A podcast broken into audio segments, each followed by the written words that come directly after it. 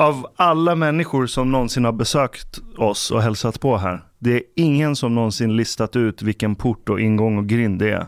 Nej, och därför är det läskigt att Uppdrag Ja. granskning visste vad vi sa. Det var inte så svårt. Du Petter, eh, tack för senast. Tack själv. Har Tack för du, senast vadå? har du klippt naglarna? Ja, bra. De var inte jättelånga, jag brukar hålla nere dem. Jag, ja, men jag, jag fick rivmärke senast vi brottades. Jaha, brottades? Men Ja. du, min tjej påpekar att jag också har lite, Okej, Det- okej. det är nästan sådär som man eh, kommer hem med, med eh, märken som man måste förklara. Ja, Eh, exakt. Är det sugmärke eller vad är det för märke? Olika, ja, olika konstiga blåmärken och Fan vad jobbigt om det också är en tjej som brottas i klubben och så luktar man tjejparfym också. Och har Oh. Det är inte någon risk att det De- luktar tjejparfym. Exakt, och det, det är faktiskt det, det är ju lite en eh, skam att det inte är fler tjejer i vårt gäng. Eh, vi har haft till och från, men det där är också intressant. Det, även om vi inte vill det så blir det liksom en, jag, jag tror att man skapar en grabbig stämning som, som eh, möjligen skrämmer iväg tjejer fast det egentligen inte Är den är toxiskt, skulle du säga? Mm, Snarare motsatsen. Den är ju väldigt kamratlig på ett ovanligt sätt. Man kramas och det är väldigt vänligt. Inte ens vi kramas så mycket som vi gör på brottningen. Alltså, Efter matchen? ja, före man hälsar och det är väldigt så här kärleksfull Men det är ju väldigt kampsportsaktigt. Där brukar man faktiskt, jag körde ju jutsu, det var mycket kramar innan och Mm. efter och man bekräftar varandra. Väldigt fint. Det är så här att det, det har ju varierat eh, ibland genom åren så kan det väl eh, vara, inte toxiskt, jag vet inte vad, exakt vad gränsen för toxiskt går men det är klart att det kan ju bli en, en eh, grabbig stämning i omklädningsrummet och på mattan som inte är något illa ment men som väldigt tydligt gör att man definierar någon slags könstillhörighet och sådär. Vad, vad är Eh. grabbig stämning? Som exempel.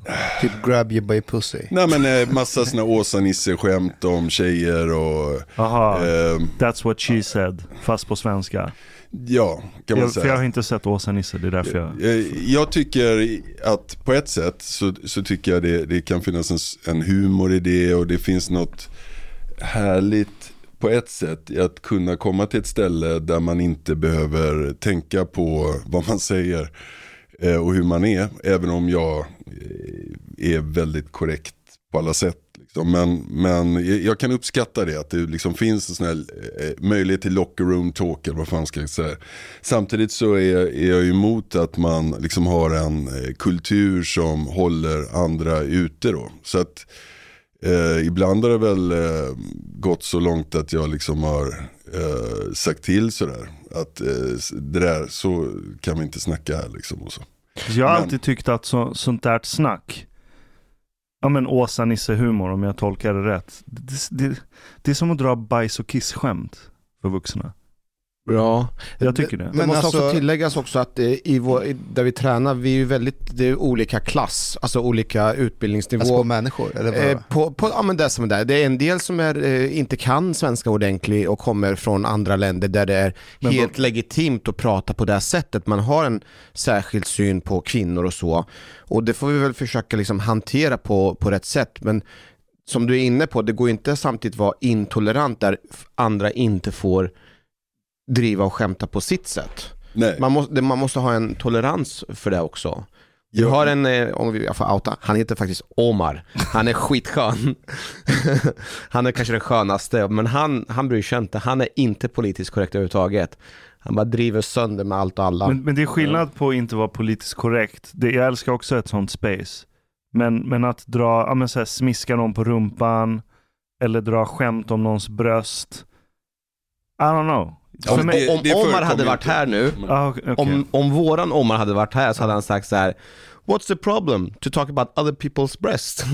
Men inte framför dem. nej, Nej, nej. han hade sagt, what the fuck is the problem? Yeah, I'm complimenting. Men han, eh, jag håller, jag håller med om Omar, han är väldigt, eh, en väldigt varm, rolig person. Som eh, från Algeriet och han har ju hela den bakgrunden eh, som gör att han, han är liksom, det är inte Nytorgs, han är ingen Nytorgsman på det sättet om man säger så. Han är inte anpassad till det. Så att man, man får ju ta eh, vad han säger med en nypa salt. Sen kanske han går över gränsen någon gång och sådär. Men, men man måste, jag, jag, tycker det är skönt med takhöjd. Det får bara inte liksom gå ut över, man, man måste känna sig välkommen också. Det är, en, det är en intressant gräns det där som man kan applicera på lite större resonemang också. Men högt i tak och jag har inget emot att man är skämtar, att man kan vara lite rå ibland. Man behöver inte alltid vara så jävla artig. Men som sagt, det får inte skrämma iväg folk. Men det är inte rätt normalt ändå? Alltså, det är högt i tak, sen kanske någon säger något och testar gränserna och så går man tillsammans upp och bara, ja, där gick det faktiskt en gräns och så backar man tillbaka.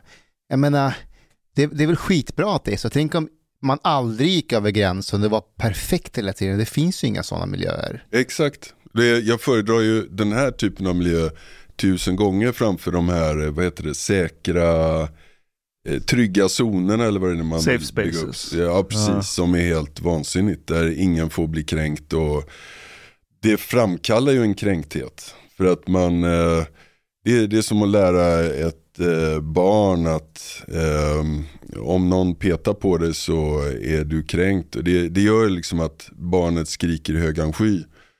Istället för att man, man lär sig att man får, man får faktiskt tåla att andra människor har andra åsikter, kanske säger något som är rått och sådär. Men, eh, men jag, jag, hade en väldigt intressant eh, erfarenhet som vi brukar snacka om på klubben. Uh, en kräftskiva hos en uh, väldigt uh, sympatisk och, och, rolig person som jag tycker mycket om. Men då var det bara liksom, i, det var nästan, det var 90% brottargrabbar, eller grappling, det är ju det vi håller på med. Ehm, och eh, det var ett långbord, vi åt kräftor, min tjej var med, vi hade väl inte varit ihop så länge då.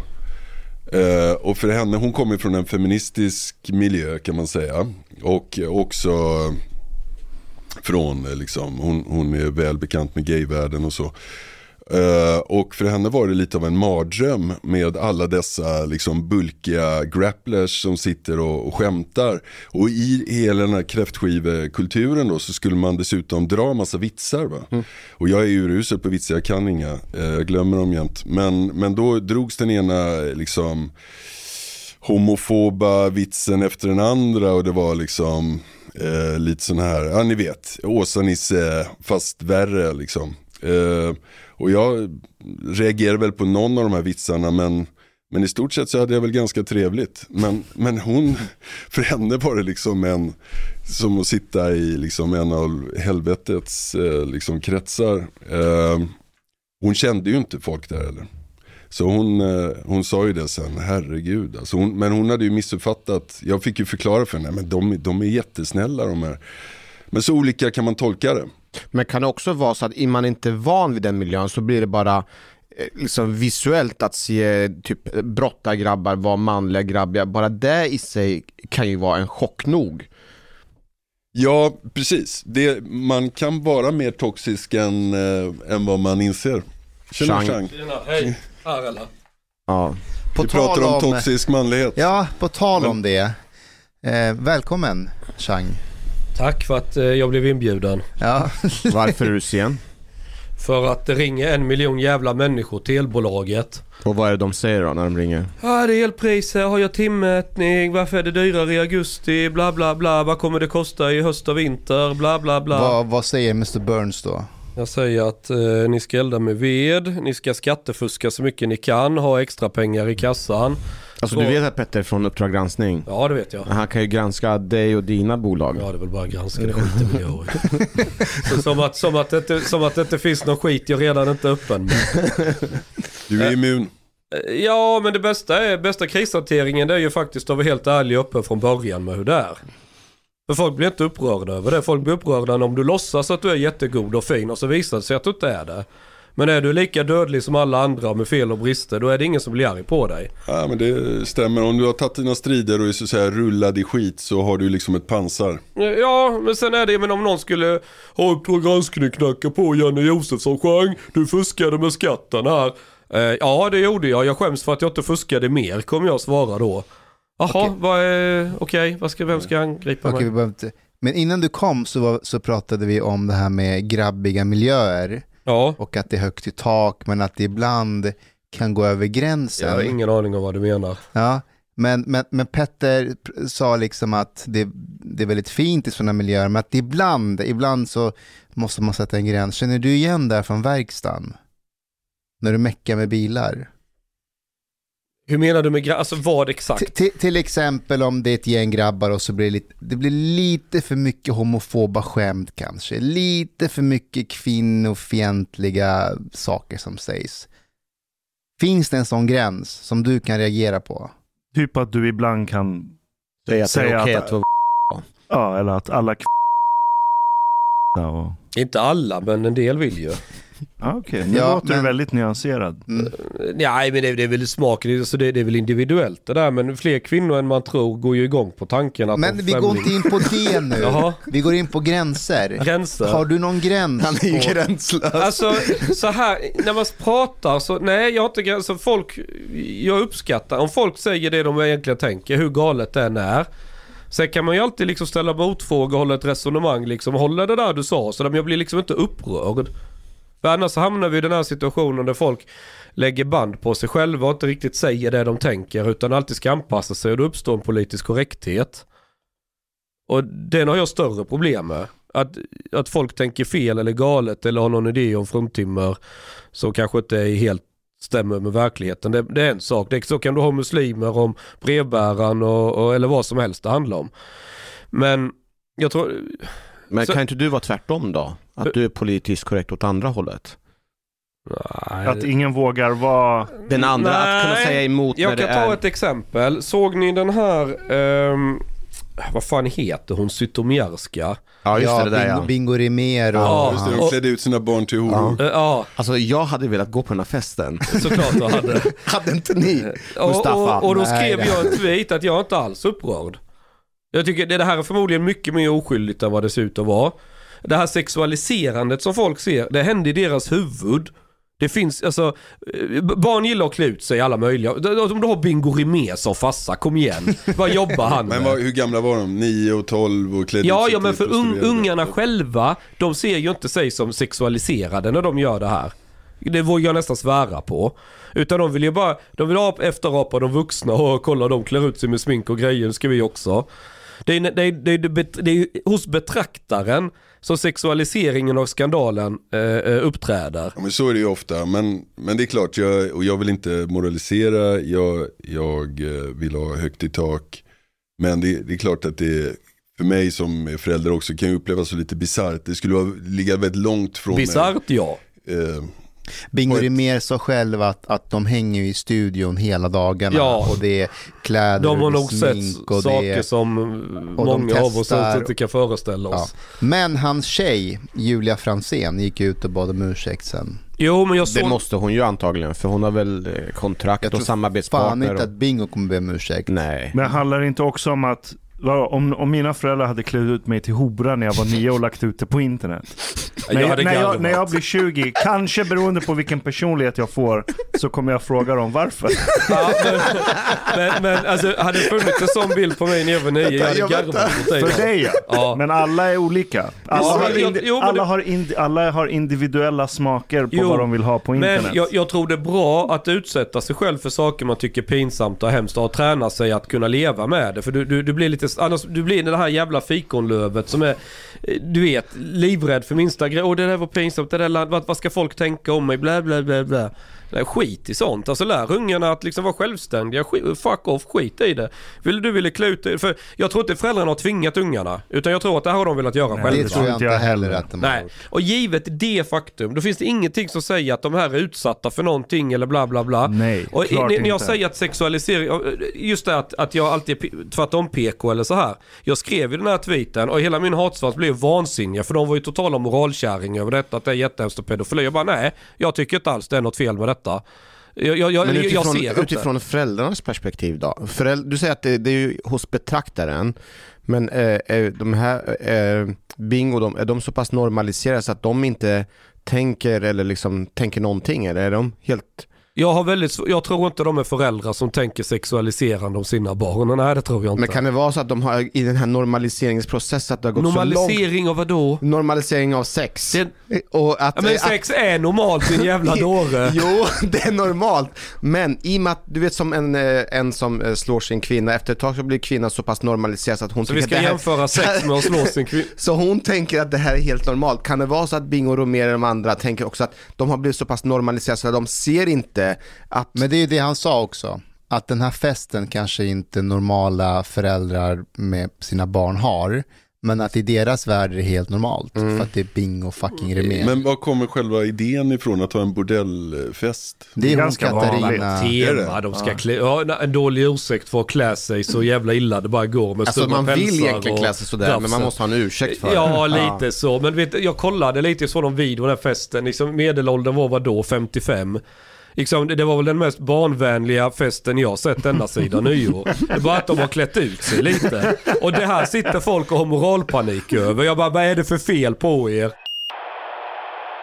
Har ni hängt med här herr talman? Jag kollade på avsnittet igår, som alla har blivit jättearga över. Den var jätterolig. Jag tycker också det var skitkul. Det var bland det bästa jag sett på SVT. Jag har har du sett det avsnittet Petter? Eh, jag tror inte jag har sett det ni pratar om.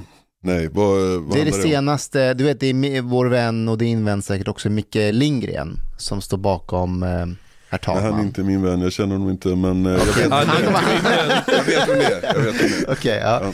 Nej, han har gjort det här herr talman och så, senaste avsnittet handlar om det efter valet.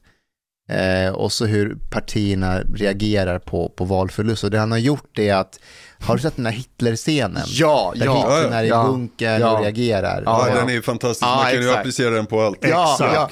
exakt. Så, Ja. så han har gjort det med dockorna fast det är statsministern då, ehm, Magdalena Andersson som reagerar på att de har förlorat. Eh, och hon tror att Annie kommer fixa det här åt dem, men så får hon beskedet att Annie har förlorat landsbygden. så, här, statsminister, vi har förlorat Norrland, vi har förlorat delar av Skåne. ja, och sen slutar det med att det blir sång mellan det blå, bruna, blå, gula laget. Och, och, och så slutar det, och det är det här alla är så väldigt arga över. Det, de sjunger eh, att eh, arbete är frihet. Ja, och sen går kameran uppåt och då är det skyltar från Auschwitz. Där står det ju arbete i frihet.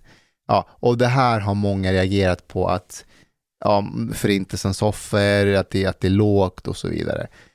Jag skrattade. Jag tyckte det var- garvade ihjäl mig jag också. tyckte det var jätteroligt.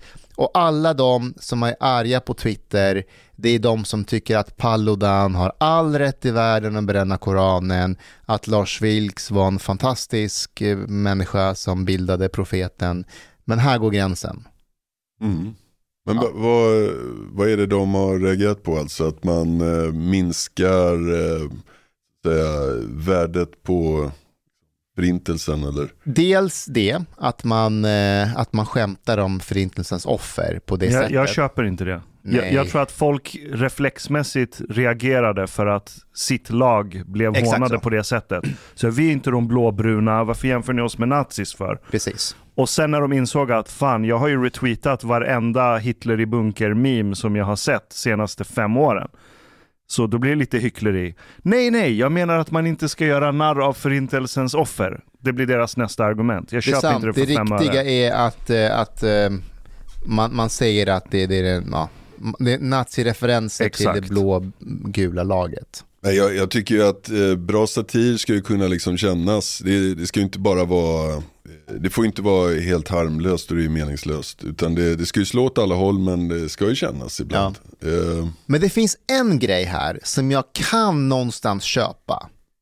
Mhm. Det är att de som säger att det kommer från statstelevisionen. Alltså hade det varit en fri media.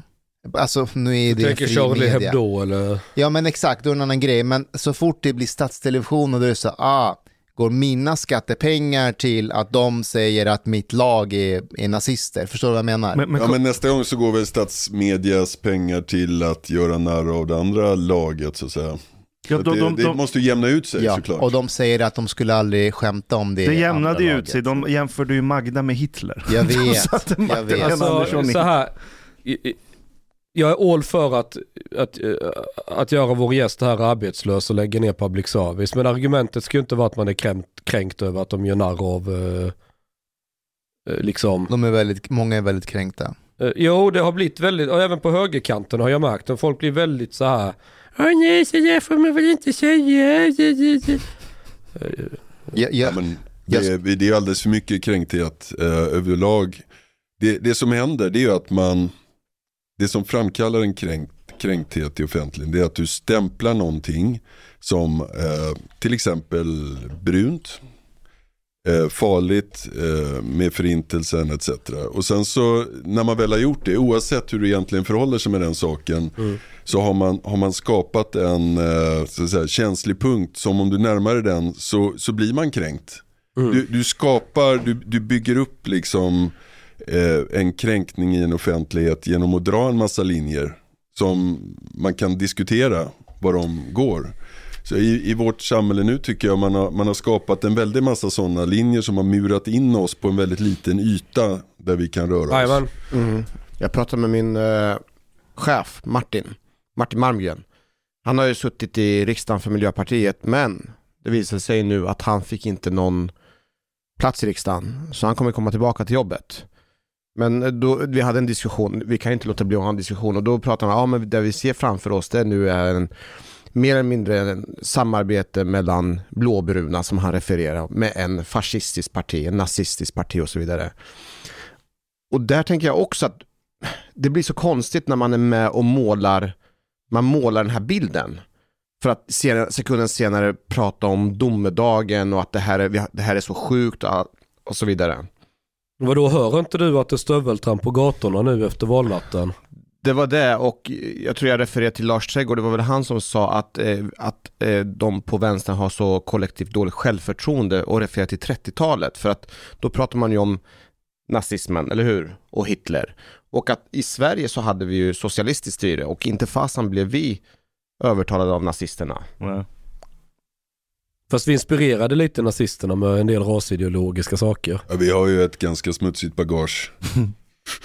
Dels så hade vi ju många nazister i Sverige på den tiden och sen har vi ju liksom vår historia med Rasbiologiska institutet. Och, jag menar, det var den tiden man, det ansågs ju progressivt. Gunnar och Alva Myrdal och sådär som skulle, man, man skulle liksom förbättra folkstammen och allt sånt där. Vipeholmsexperimenten också. Vad sa du? Vipeholm.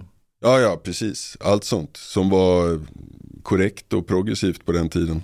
Som vi inser idag att det var oerhört farligt och illa. Men, eh, men jag menar att eh, man, man får väl göra sin egen analys av valresultatet och det som kommer nu. Eh, men, men, jag- men jag ser liksom att det har blivit, offentligheten är så oerhört polariserad och det är så hårt. Och man har liksom lagt positioner som gör att det liksom börjar bli Det är omöjligt att närma sig vissa ämnen, det är omöjligt att, att eh, föra vissa resonemang som man rent intellektuellt kanske ändå måste föra. Eh, och det, det är jag i princip emot. Jag, jag tycker om takhöjd, jag tycker om fria samtal och fria resonemang. Jag, jag tycker helt illa om när, när man intellektuellt måste begränsa sig för att någon blir kränkt. Upplever du att du behöver göra det jobbet på Uppdrag granskning? Begränsa dig på något sätt? Nej, det, det är det fina med eh, mitt jobb att jag kan själv avgöra. Och just med Uppdrag granskning så, så känner jag att jag, jag kan göra min undersökning i vilket område som helst. Jag, jag riskerar inte att gå emot det jag tror på så att säga. Jag, jag är öppen och undersöker något. Jag, jag vet att jag inte hamnar fel. Mm. Vi har ju tid på oss, vi har resurser. Jag kan ta mig an svåra ämnen. Sen är det inte alla som gör det.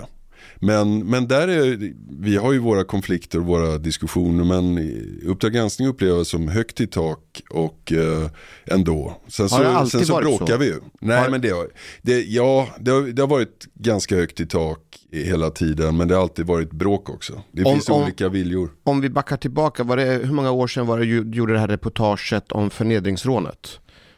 Uh, ungdomsrånen. eh, Det var några år sedan, men det är ju inte det, det är inte det som har väckt störst reaktioner för sig, utan det var det som när jag träffade Mustafa första gången, eh, när vi gjorde en grej om eh, utrikesfödda och våldtäkter. Det var ju det, var ju det mest, det värsta ämnet man, man kunde ta sig an, så att säga, det känsligaste, mest laddade. Det var då alla afghaner vände med ryggen. Det var, blev reaktionerna sådana? Det efter blev lite så, Ja. att man kände sig sviken. Sen var det andra som hörde av sig och sa att skitbra, vi behöver vara ärliga med det här. Men ehm, för många nyanlända tror jag att språkförbistringen gör också att man tror att man är med i ett program och skyller allting på dem. Och så får de det återberättat av andra i närheten av dem. Så, ja, han är inte på vår sida liksom. Men ehm, jag kommer ihåg att jag var själv i så här, oh shit, vad, vad hände här? Men hur kände ni av reaktionerna? Ja men dels eh, så hamnade jag ju i bråk med Jerzy Sarnecki eh, och han eh, gick ut stenhårt och anklagade väl mig eller UG för eh, att understödja rasism etc. Liksom. Eh, Ja, vem är du i fråga Jerzy Sarnecki? Han är ju kriminolog ju. jo precis, precis. Och jag, grejen är att jag har ju träffat honom tidigare, gjort intervjuer med honom. I min sanning så mm, gjorde jag en lång intervju som handlade om hans liv och sådär. Nu fick jag träffa honom igen och jag träffade honom flera gånger och förde resonemang med honom. Så att han var ju, jag tycker han, han är ju spännande och resonabel när man träffar honom. Men sen så, det är ett ämne som han, som är väldigt känsligt för honom. Men det var det Och med all respekt för honom så, så gick han stenhårt i ett, en försvarsställning. Mm.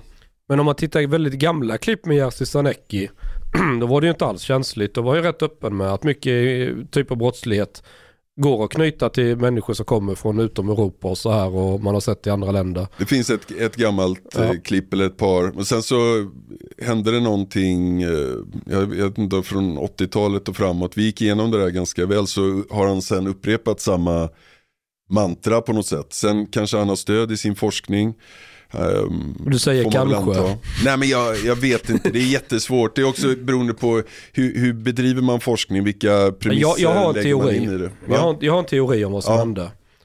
Om du bedriver forskning så som makten vill att du ska få resultat, då får du stöd för det. Men om du börjar säga saker som går emot det politiska narrativet, då kommer de effektivisera din myndighet och, och tillsätta någon annan med tiden. Och det förstår människor som Jerzy, så de vet vad som förväntas att de ska säga och inte säga.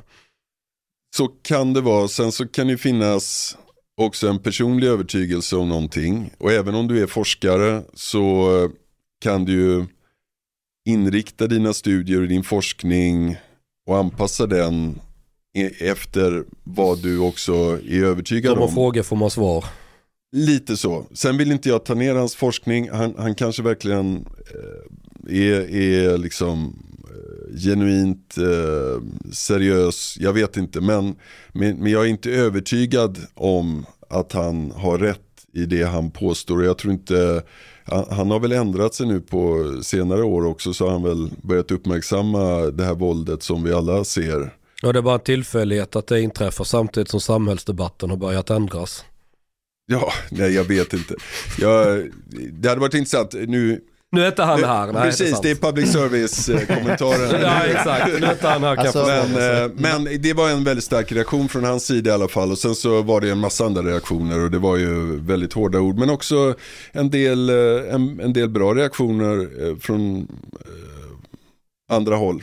Så att, jag- och jag, jag står bakom det och jag tycker, jag tycker du var ju klockren Mustafa och du lyckades ju liksom verkligen vara tydlig utan att det kändes på något sätt spekulativt eller sådär. Du verkar veta vad du snackar om och sådär. Alltså det var så sjukt för att i programmet så träffar ju, vi springer ju på tre, fyra afghanska killar. Just det. Ja, och, och så sitter jag med dem på Kungsträdgården och pratar med dem och frågar dem så här, men hur är det att komma till Sverige? Vad tycker ni om de här, att en del ger sig på tjejer? Varför tror ni att man gör dem? Det var ju inte jag som sa varför, jag, ordet var deras och de var helt brutalt ärliga. Det var så här, man kommer hit, det blir för mycket frihet, Mm, Vissa har inte sett tjejer alls och så ser man dem i princip som halvnakna och vissa kan inte kontrollera sig. Eh, och så ger man sig på tjejer. Ja. Men även de klippen, de som reagerade, alltså mina landsmän, deras argument var ju att nej, men de där är inte riktiga afghaner. Va, okej, vad, är, vad är riktiga afghaner då? Ja, men de, de, de representerar inte oss. Nej, kanske inte, men de är ändå en del av oss. Jag menar, vi sprang på dem på stan. Vi har inte letat efter det narrativet. Vi sprang på dem på stan, vi frågar dem, de är helt ärliga. Ni, ni känner ju igen det här också. Det är klart att de känner igen det. Men ähm, äh, det, många kände sig svikna. Ähm, Ja, men då, du är ju ganska stark då kan man tycka som har gått din egen väg och, och säger vad du tycker. Uh, Ja, men det är lätt att hamna i det här lojalitetsspåret. Att, och, och hamnar man där att men det här är mitt lag, de vill jag inte göra besvikna, besviken genom att säga de här orden och så har de här laget, de stödjer mig, då kan jag inte säga de här grejerna. Till slut så kan man inte säga någonting. Precis, det där tycker jag är jätteviktigt och man kan hamna i lag även som journalist. Uh, och jag, jag tycker den, den bästa journalistiken och du tillhör ju den på ett sätt genren, uh, genre, att, att man är illojal. Man ska vara illojal. Om man inte har något lag alls, då, är man, då har man bäst förutsättningar för att tala om ta, nå sanningen och säga som det är. Men, men det är väldigt lätt att bygga upp en eh, lojalitet till någon slags följare, ha lyssnare som kräver någonting av er, som förväntar sig att ni säger vissa saker, ni kanske ska ha ett visst perspektiv, jag vet inte. Ja, det finns många olika lag som man vi, kan vi har haft diskussioner om det förhålla där. sig till. Och jag har försökt påtala att det bästa man kan göra det är att redan från start förstå att vi kan slå åt precis vilket håll som helst. Det kan komma saker som provocerar dem oerhört. Och att man så tidigt som möjligt etablerar det där så att det är en del av spelplanen. Man vet om att så, så, att så pratar man om saker. Precis, och det, det är väldigt viktigt. Och det är viktigt för mig också att jag, jag vill inte ha ett lag med mig. Jag vill inte ha, det, det är härligt och väldigt uppmuntrande med folk som, som säger någonting om ens reportage, Som jag möter någon på gatan och sådär. Men jag vill inte ha, känna en lojalitet mot någon överhuvudtaget egentligen. Eh, Det låter ju hemskt kanske för man förväntar sig av en människa att man ska vara lojal. Men just i yrkesrollen så är de bästa journalisterna tycker jag är de jag säger inte att jag tillhör de bästa journalisterna på något sätt men det är en bra ambition att vara illojal. Eh, Jo men det är ju lite som om du är domare i tingsrätten. Du kan ju inte tillhöra något lag och sen ska du vara objektiv och, och närma dig ett ämne och försöka utdöma ett straff. Vad, vad är det rimliga här? Du måste ju hela tiden liksom skippa alla sådana subjektiva saker och titta rent vad har vi framför oss och vad är det? Precis. Och du måste vara beredd att göra människor besvikna. Ja men jag känner igen det där. Jag, jag, mitt i brinnande valrörelse så publicerade jag ju eh, dickpics på en SD-ledamot i riksdagen som fick lämna sen ju. Och Och- apropå, apropå det, för jag, jag noterade det, och, men, men i ditt lag som du ibland blir anklagad för, är ditt lag SD så att säga? Känner du någon lojalitet mot SD? Nej inte ett skit. Inte ett skit. Nej, nej, alltså för mig är det ju så fort jag fick de här, jag förstod att fan. Först la jag ut en video på Twitter för då var det, jag fick videon till mig. Och då frågar jag direkt, vem är den skickad till? Var det oönskat? Var hon underårig? Du vet alla de här. Finns det någonting här som jag kan liksom visa att fan här har han begått ett formellt fel? Du får ju lov att skicka en dickpic. Det är i sig, jag vill mottagaren eh, tycka om att ta emot den, men då är det någonting mellan dem. Men så noterade jag att ja det här har jag ändå gjort i riksdagens korridorer. Det ser det väl, jag känner ju igen liksom, jag vet hur det ser ut där. Ja, det är i alla fall Twittervärdigt och, och, och jävlas lite. Så då pingar jag in Esterix liksom. Med alla era ledamöter så här välhängda. och i och med att jag la ut den där grejen, får det ju massa spridning och du vet det är valrörelse och allt snaskens får ju, du vet, så pratas. Då började det hända lite saker. Då började folk höra av sig, både i mejlen och messenger och lite sådär. Att, men han har ju skickat till fler ju. Och då började det rulla upp. Tack vare att jag la ut den, då fick jag reda på att oj, han har skickat så här, det hade även varit oönskat. Pang, då bara smäller vi på värsta kvällstidnings extra allt-rubriken och allting. Och drar igång eh, riktigt rev. Jag menar, jag och han vi har ju haft ett visst utbyte med varandra i chattar och så här snackat innan och så ju. Så för honom så var det ju värsta kniven i ryggen och hej och hå, vad fan håller jag på med och... Alltså, nu svarade han mig aldrig, jag försökte skriva till honom och få honom att bemöta och kommentera det. Det ville han inte men det var ju många som reagerade liksom så här. Men, men det har jag ju sagt till dem att ni vet ju vem jag är. Men och bara där är av ren nyfikenhet, jag undrar om, en dickpic är ju ändå inte jättefarlig nyhet kanske. Den, den går ut. Men säg att du hade fått reda på något riktigt jävligt Mm. en vecka innan valet. Mm. Som verkligen hade drabbat SD. Mm. Så hade, du, hade du tvekat och Inte det minsta. ut? Nej. Nej. Det, hade jag inte. det första jag tänker är så här. Kan jag Jo. tjäna pengar på det här? Exakt. Nej, jag tänker så här. Så är det om, ju. Om, om detta var en sosse, vilken rubrik skulle jag sätta då? Och då vet jag ganska direkt vilken rubrik jag ska sätta när jag är där. Jag byter bara ut sosse mot SD. Så enkelt är det. Sen ja, sen vet jag om att nu kommer jag få skit. Men det är nästan lite roligt, man förbereder sig. Hur jävla arga kommer de bli? Jag gjorde ju en annan artikel om en grej. Och då, då ringer Rickard Jomshoff och är djupt besviken på mig. Jag bara ja, ja, jo så kan det vara. Ja, jo, mm, ja. Alltså jag måste ändå ge dig, du har ändå integritet Chang, när det kommer till, till Ja, det är för att i, i långa loppet så skulle jag börja hamna i den här kören som alltid ska ta ett visst parti i försvar eller i varje läge. Dels, jag tapp, jag, du tappar förtro, alltså din, ja du har din egna svans och sådär ja.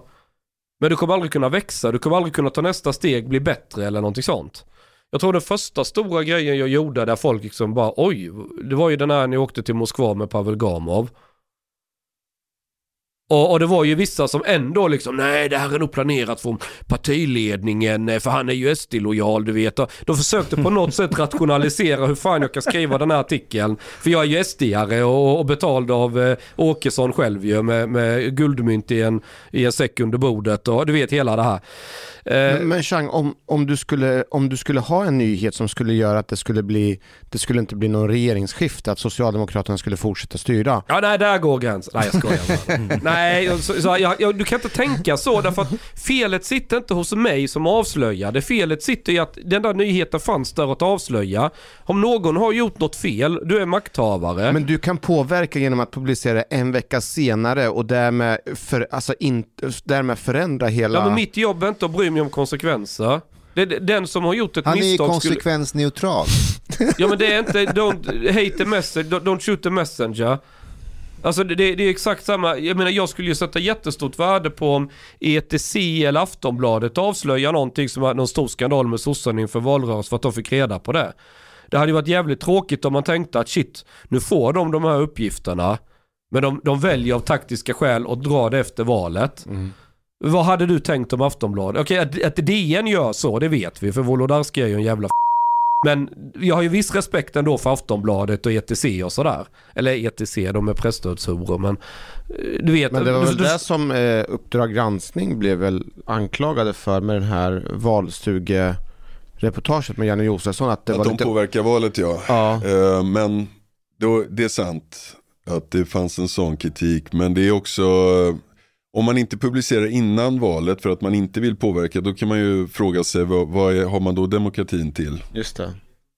Eh, nej det är bara ska, man, ska man hålla tillbaka till efter valet? Men vad var anklagelsen? Jag hänger inte Nej med. men det var ju att de, de eh, gjorde ju, det var 2002 tror jag. Ja, jag kommer ihåg Josefsson reportaget. Det kommer jag ihåg mycket Svensson. Ja du vet. Ja. Och, men anklagelsen var ju att man gjorde detta, det drabbade framförallt eh, sossar och moderater. Eller var de som man Moderat hade- Christer Rewe fick var- avgå i Kristianstad. Ja just det, Moderaterna blev hårdast drabbat där. Men de, de undersökte framförallt sossar, eller socialdemokratiska moderata valstugor. Tror jag. Och sen så blev Moderaterna hårdast Aha, drabbade. okej. Det man skulle kunna de säga det, uttryckte mest rasism. det man skulle kunna göra det om man hade gjort en mer längre reportage där man hade intervjuat fler, då kanske alla hade blivit drabbade. Men nu slog det extra hårt mot vissa partier. Ja, men eh, ja det är sant. Jag, jag vet inte, jag, jag tycker det här, det var ett väldigt intressant reportage. Frågan är vad de sa i valstugorna då. Alltså de sa ju en sak i valstugan när, när de trodde att de snackade med en vanlig väljare. Så sa de vad de egentligen tyckte. Och sen kom Janne Josefsson och så sa de något helt annat. Då sa de det som var korrekt att säga. Och så visade han, nej men du sa ju så här förut. Och då svarar de, nej det är inte jag, det är, det är någon annan. Så att det blev ju oerhört starkt. Men det de sa då till sina väljare, det är ju sånt som egentligen sägs ganska öppet idag skulle jag säga. Det har ju hänt jättemycket. Det vore intressant egentligen att jämföra med vad som var en skandal då och vad som sägs i, i riksdagen idag. Det där eh, har jag med tänkt mycket på att just hur, hur- samhällsdebatten ändras och folk tvingats avgå innan för någonting som är en självklarhet några år senare. Mm. Och jag skulle säga att det pro- största dysfunktionaliteten vi har i svensk samhällsdebatt det är ju inte det är ju inte invandringsfrågan eller speciell fråga i sig. Det är den här politiska korrektheten där du inte vågar säga det du tänker. För hade du haft det samhällsklimatet redan då då hade ju diskussionen handlat om men vad, vad är det som gör att han inte vågar säga det han tänker? Vad, vad, vad, har hänt i, i debatten? Är det inte bättre att folk är öppna? För då, Mm. då, då får du mycket bättre innehållsdeklaration när du ska rösta. Och hela det här har ju skapat SD ju. Mm. För att ta ett exempel, eh, när det gäller Anna Kinberg Batra. Mm. Var inte mycket av problematiken att hon var väldigt tidigt ute och jo, alltså anspelade på att Moderaterna eventuellt skulle börja samarbeta med SD och det var tillräckligt starka reaktioner så att hon fick avgå. Ja, Sen när Kristersson kommer till makten så kör ju han Ja. egentligen samma sak, Ja. men då var vi redo. Så hon fick ju... Sa inte han nej först? Att han absolut inte kommer Jo det har han samarbeta sagt i en med- intervju. Ja. Med, med Sven Melander var det. Ja. Då var han väldigt tydlig att det finns inte på kartan. Mm. För hon vill, han vill ju inte riskera att bli i samma situation som du är med Anna Kinberg Batra. Men märker, ty, är det bara jag som tycker det? För att jag tycker att när, när Åkesson intervjuas så brukar han, han upplevs lite mer rakare. På, han svarar mer på den frågan som faktiskt ställs. Men det tror jag beror på att han har inget att förlora egentligen. Alltså så här, han, apropå det här med lojaliteter. Ja. Om du företräder ett parti där det förutsätts att du ska inkludera alla, du får inte säga något som det. stör någon av falangerna eller vad det nu är. Då blir du väldigt hämmad och så har du talespunkter och så vidare. Och det blir rätt tråkigt att lyssna på en sån politiker som just inte svarar på frågor utan räknar upp fem talespunkter istället. Men alltså jag tror att eh, han på gott och ont, jag menar, eh, det spelar ingen roll vad han säger. Det är ingen i hans parti som kommer att bli kränkt av det. Nej. Eller Jag- jag du undrar om- känner väl till det bättre. Vad, vad skulle du säga? Vad, vad skulle han kunna säga som gör att det blir uppror i Sverigedemokraterna? Oj. Då måste han ju nästan byta åsikter för att... Om man, om man inviger en moské. Det kommer inte uppskattas. Det är som bisarr syn. Ja, jag, jag, jag har så svårt att... Ja, oj. Det var, var det inte någon sverigedemokrat? Men alltså jag, jag har tänkt, lekt med tanken ibland. Jag är så här, det är ett SDs ungdomsförbund och kvinnoförbund och de vill ju liksom göra som andra partier. Snart har de väl ett eh, sodomitförbund med, med regnbågsflaggan, skulle inte förvåna mig. Eh, om de skulle starta SD-muslimer så vette fan om inte större delen av svansen, yes, yes, det, det är våra muslimer, det är inte som de andra. Jag tror också det. Det är jag tror våra- det. Ja, ja, ja, men jag har en känsla av att ja, men de är på vår sida liksom. Jag, jag har en känsla av att det till och med det, för det, det, det är en sån stark ingruppskänsla bland de här människorna. Fast vänta, Vänta, nu, vänta, vänta, vänta. nu. Det var ju faktiskt en SD-politiker uppe i Norrland som föreslog som ett integrationsförslag om att starta en moské. Vad hände med honom? Han lämnade ju. Han fick avgå. Mm, men då fick jag nog, alltså du, ska du presentera det här så måste det ske på rätt sätt. Jag, jag, men jag tror så här att om, om jag skulle göra en artikel i nyheter idag, men här har vi några tjejer i slöja och några grabbar från Irak och vad de kan vara ifrån. Så gnäller på, eh, nej det här med invandringen funkar inte och vi måste ha hårdare straff och nej vi tänker rösta SD för att det är de enda som kan fixa det här. Och, och det här är inte liksom, som muslim så ska man ju respektera de äldre och man ska bete sig ordentligt och, och allt det. Lite sådana här talepunkter som SD kan känna igen sig i. Okej, då Då vette fan om inte det hade börjat hända någonting säg där. att vi får en sån grupp. Mm, SD-muslimer. SDs muslimer. typ Så- nyans. Ja men som de välsignar, okej? Mm. Säg då att de har en förening. Mm. Och så kommer Petter från Uppdrag granskning Mm. och granskar dem. Och Mm. kommer och hittar en del skit. Vad för skit? Ja men säg att eh, det finns, eh, de pratar på Homofobi. ett visst sätt om, De kanske har haft någon så här antisemitisk föreläsare. ja eller ja precis. Ingrid Carlqvist då eller? Ja, och så kommer det här ut. Kommer SD gå ut och försvara då sina muslimer och säga nej låt våra muslimer vara i fred. Nej. Nej. Där det- går gränsen. Därför att det är jävligt känsligt för SD. Allt som kan andas antisemitism. De, de, jag skulle säga SD är nog det partiet som har har störst känslighet för det. För att så här, om en centerpartist blir påkommen med att eh, få tennisarmbåge efter Highlander på fyllan på en helg eller något. Det är ingen som på allvar tror att Centerpartiet är smygnazistiskt i bakgrunden. Det, det, den liksom anklag, möjligen att de är smygpedofiler, för den, den bilden har satt sig lite, men inte nazister. Ja, det, det skakar inte partiet på det sättet. Utan det, det var en enskild person som det håller i huvudet på och honom gör vi oss av med. För SD är det mycket värre för att varje sån här grej som uppdagas det blir så jobbigt för dem ju för att oj nu, nu, nu tror folk igen att det här är ett bevis på att vi är såna där. Så för dem är det känsligare skulle jag säga. Men det... skulle inte de kunna dra argumentet så här, typiskt statsmedia som ska komma och hacka på oss och klanka på oss? Nej, inte, men du, det kan du ju inte om, om, du har en, om du har en någorlunda uppsatt medlem på region eller kanske till och med på nationell nivå som har skrivit något på Flashback om vilka som, rymdödlor och kroknäsor som styr världen och hej och hå. Hur, hur, hur fan ska du, du ser ut som en idiot om du börjar hacka på eh, statsmedia, de kan man inte lita på. Det, det går inte liksom utan eh, och SD har ju varit en skitmagnet, dra till sig alltså den ena foliehatten efter den andra. Så är det ju. Så att, där har ju kvasten fått gå i omgångar. Petter, Mm. är public service en garant för demokratin? Ehm, garant, alltså det finns väl demokratier som inte har någon public service gissar jag. Men om, om jag ska försvara public service, vilket jag gärna gör, så, så tycker jag att det är en eh, oerhört viktig, eh, eller har varit i alla fall en oerhört viktig del av vår offentlighet, där man har kunnat samlas kring någonting.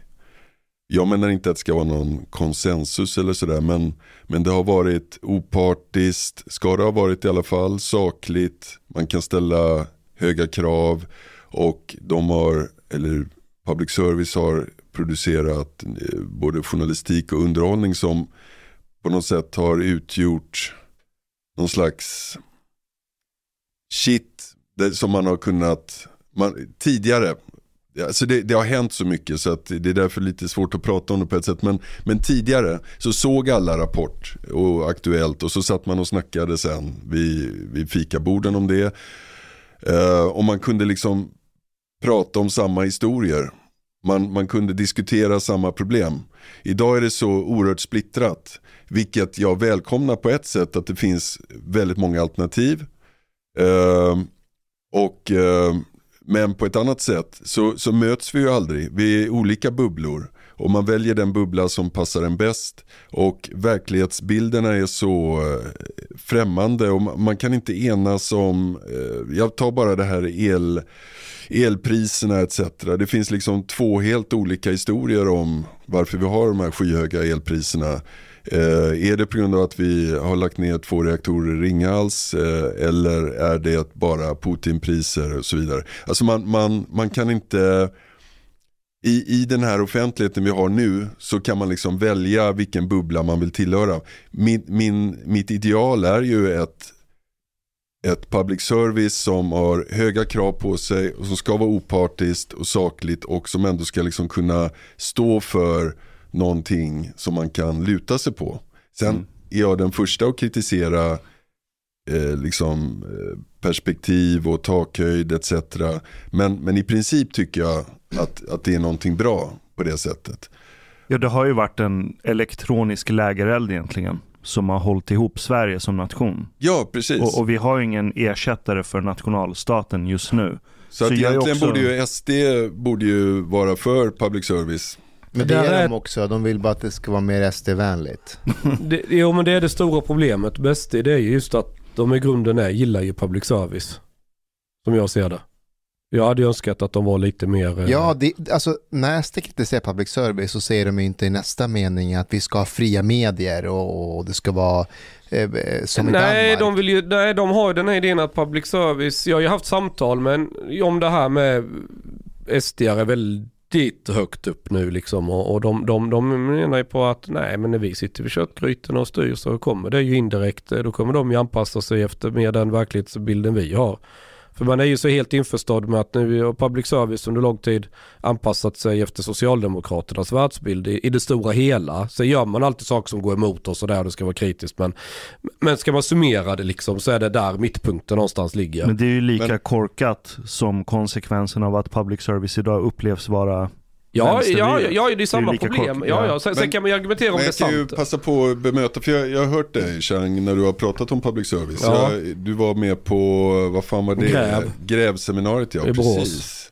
Det var en, en väldigt bisarr intervju med Jan Elin där, minns jag. Ja, dålig Som- länk. Ja, jävligt dålig. Han var på någon Finlandsfärja. Ja, Men du pratade då om public service. Jag, jag får passa på och eh, säga vad jag tycker om det. Så är det ju, jag, jag, jag har nog ungefär, man kan vara 20 års erfarenhet eller något sånt där. mm. Jag har varit redaktör och reporter Mm. och så.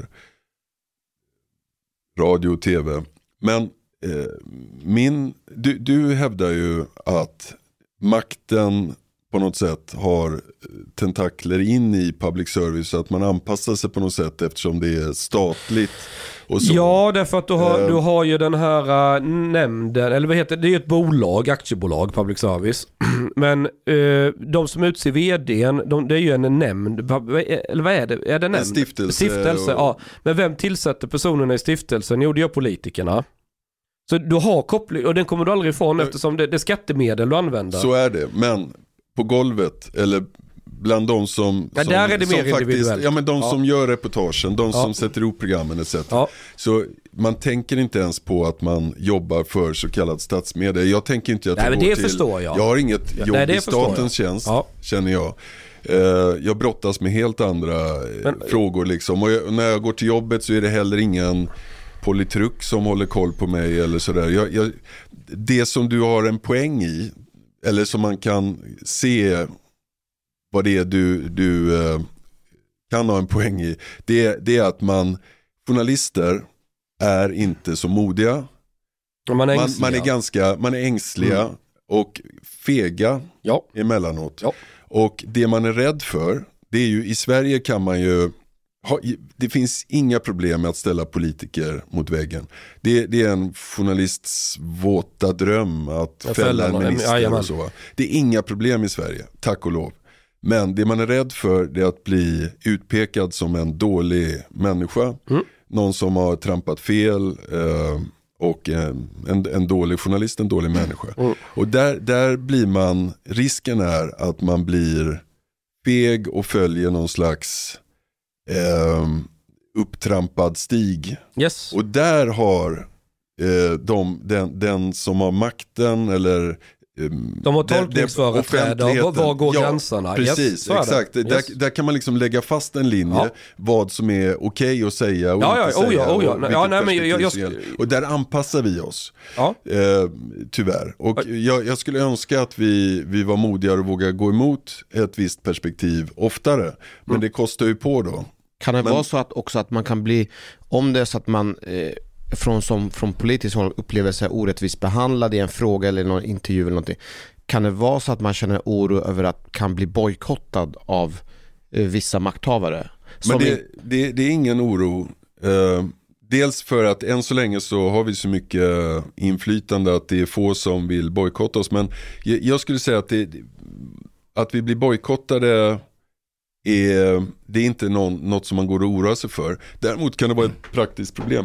Uppdrag granskning till exempel, som har lite grann ett oförskyllt rykte. Alltså det, det ligger ju mycket i att vi har eller Uppdrag granskning har varit väldigt hårda mot eh, personer som man har intervjuat på ett sätt som har inte skapat förtroende helt enkelt för programmet. Men nu har vi ju vi har ändrat väldigt mycket på oss och vi, vi har förflyttat oss på ett sätt som gör att vi ibland får nej av anledningar som jag inte tycker är, är korrekta. Det, det är många organisationer, myndigheter och sådär som, som blir livrädda när vi hör av oss fast de egentligen mycket väl skulle kunna öppna dörrarna och, eh, och berätta om vad de håller på med.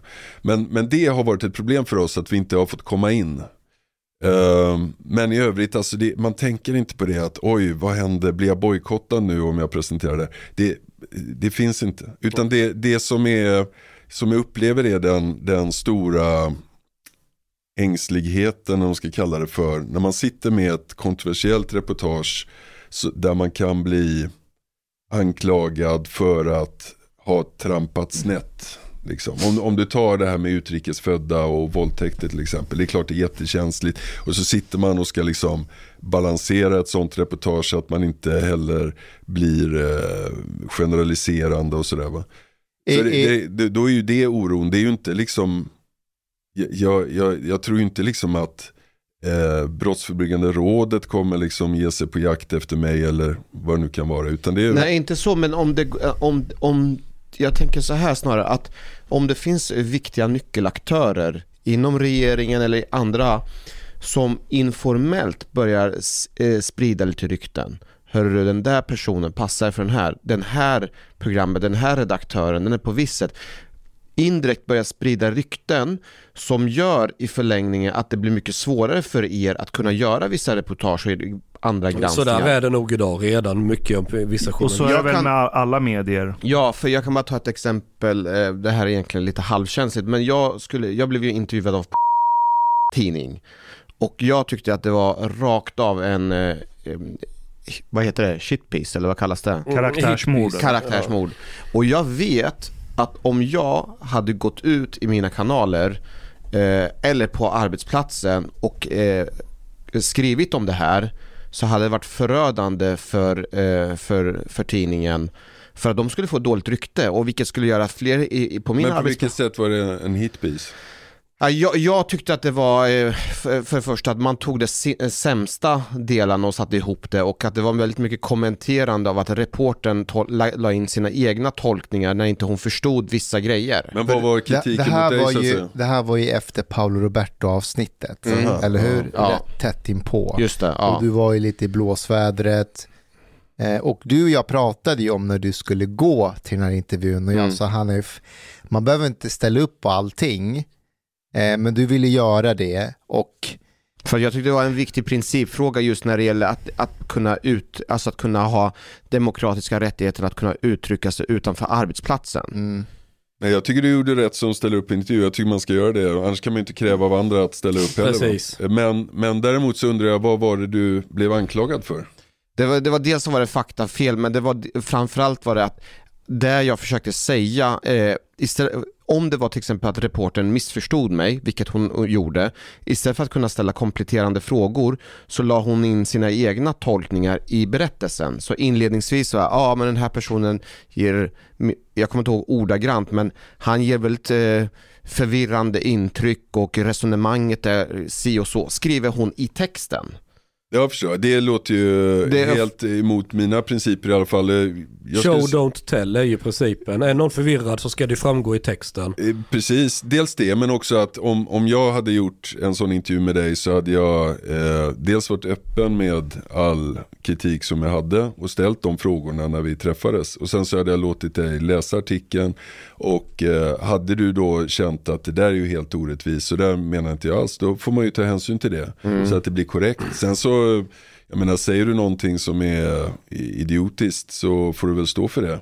Men vad jag undrar är, vad, blev du anklagad för att på något sätt, eh, vi säga, försköna prostitution? Eller? Nej, eh, det är, det är det här som jag menar på att det är det här finkänsliga som som journalist man kan jobba. Det är att man kan ta eh, man kan ta icke-neutrala citat och lägga upp det i huvuddelen av texten för att redan där framea resten av innehållet. Som journalist, om du redan i, i tidigt skede eh, ger dina subjektiva uppfattningar om person så menar jag på att det är väldigt lätt för andra att kunna liksom eh, följa efter den, alltså, eh, alltså man tolkar men, in men det. tolkningen av dig var att du på något sätt inte tog så hårt på Paolo Robertos lagbrott då på något sätt. Ehm, snarare att jag framstod som en förvirrad eh, polis som, som inte kunde resonera klokt och liknande. Och jag ska, jag ska tillägga att det här var så pass känslig grej så att jag, jag sa att jag kommer inte samarbeta så de har inte publicerat den här artikeln. Alltså de har inte Och, och, eh, nej, Ja, för är du krävde ju. Men, men jag, jag tycker det är, det är en jätteintressant eh, princip det. Jag vet inte hur du gör Chang, men, men jag, jag har ju blivit mycket öppnare med åren. Och om jag träffar någon så har jag full respekt för att den personen kommer tycka att det är jävligt obehagligt att lämna ut sig. Uppdrag granskning, man sitter och gör en intervju på en timme. Eh, jag kan i princip kan jag klippa ihop vad som helst av det. Lite som du var inne på eh, med rubrik och vad, vad man skapar för bild. Jag har en jätterespekt för det. Eh, och jag försöker då vara öppen. Och fortsätta ha en kommunikation även efter och jag, jag låter alla ta del av liksom det färdigklippta. Och jag, jag, ärligt så försöker jag lyssna om, om någon säger att det där känns väldigt orättvist så tar jag in det.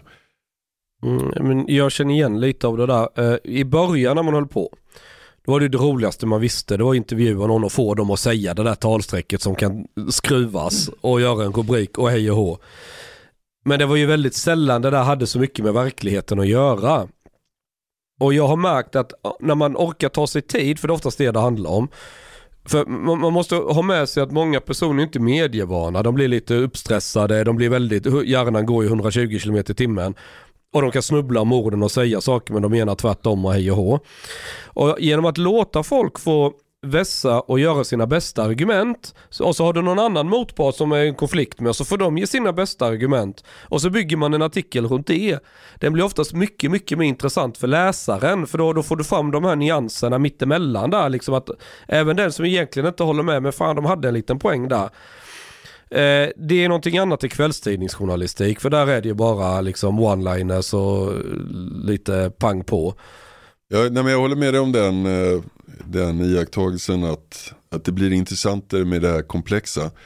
Och, men framförallt, jag har upptäckt, jag, jag har inget att förlora på att göra det komplext. Om min, mitt mål är att ta reda på mm. sanningen kring någonting. Jag kanske inte når dit men det är min ambition så förlorar jag ingenting på att lyssna på den andra. Jag, jag förlorar ingenting på att träffa den personen igen, göra en ny intervju. Jag förlorar ingenting på något av det där. Kan, kan du gissa vilket av Uppdrag granskning avsnitten som du var med i som jag minns allra mest? Jag tror... Hur ska han kunna gissa det? Han ser om man, om man kan ha någon aning. Kan det vara jag är Assange näst, eller? Nästan nej. säker på att det var du som gjorde den. Vilken, jag Upphandlingen av helikoptrarna. Nej det var det inte. Det var inte du? Nej det var inte det. Det var Ali Fegan, min kollega och Lars-Göran Svensson var med. Var, jag är fan säker på att det var du. Det var det som var speciellt ja, Det var ju smickrande att du trodde men tyvärr. För det, det, jo, för det är en sån här grej, nu har jag ju, det är kanske inte många som har koll på, men jag har hållit på väldigt mycket med offentlig upphandling. Så jag kan... Va? Hur är det möjligt? Är det här en mörk hemlighet? Ja, men jag, jag, kan det här regelverket ganska bra, hur offentlig upphandling funkar och, och hela det här. Varför? Och att som journalist gräva i det, gå igenom en hel jävla upphandling, åka ner till Italien och gräva fram bilder där de är på möten med de här italienarna och hej och hå, de köper de här. Om man tittar i upphandlingsunderlaget och ser att man har varit väldigt, väldigt specifika. Så här, offentlig upphandling är i principen att alla ska få vara med och buda på en tjänst eller vara eller vad det nu är för någonting. Och då så ska du göra upphandlingsunderlaget så allmänt hållet som möjligt, att så många som möjligt ska kunna vara med och bjuda. För det är tvåstegsraket. Först är det en krav kravställning. Du måste uppfylla de här kraven. När det är gjort så kan vi titta på pris och miljö och hur vi nu viktar saker för vilken vi bestämmer oss för. Men då hade de ju gjort sådana här jättekonstigt att helikopter får max ha det här måttet. Och då var det typ bara en helikopter som passade in på det. Och så börjar han fråga, men varför var det här måttet viktigt? Och så sitter de bredvid hangaren och så ser man att den är mycket högre, ni skulle kunna köpa den här eller den här eller den också. Och så kan han inte riktigt svara på det. Då är det liksom så uppenbart att här är det ju något korrupt i bakgrunden. Och sånt där gillar jag för att vilken journal... ja men vilken journal... Det så... För det var ju, vad heter det här, eh, Sjöfartsverket var det väl? Ja just det. Ja. Vem fan granskar Sjöfartsverket? Ingen... Lars-Göran Svensson och Ali Fegan.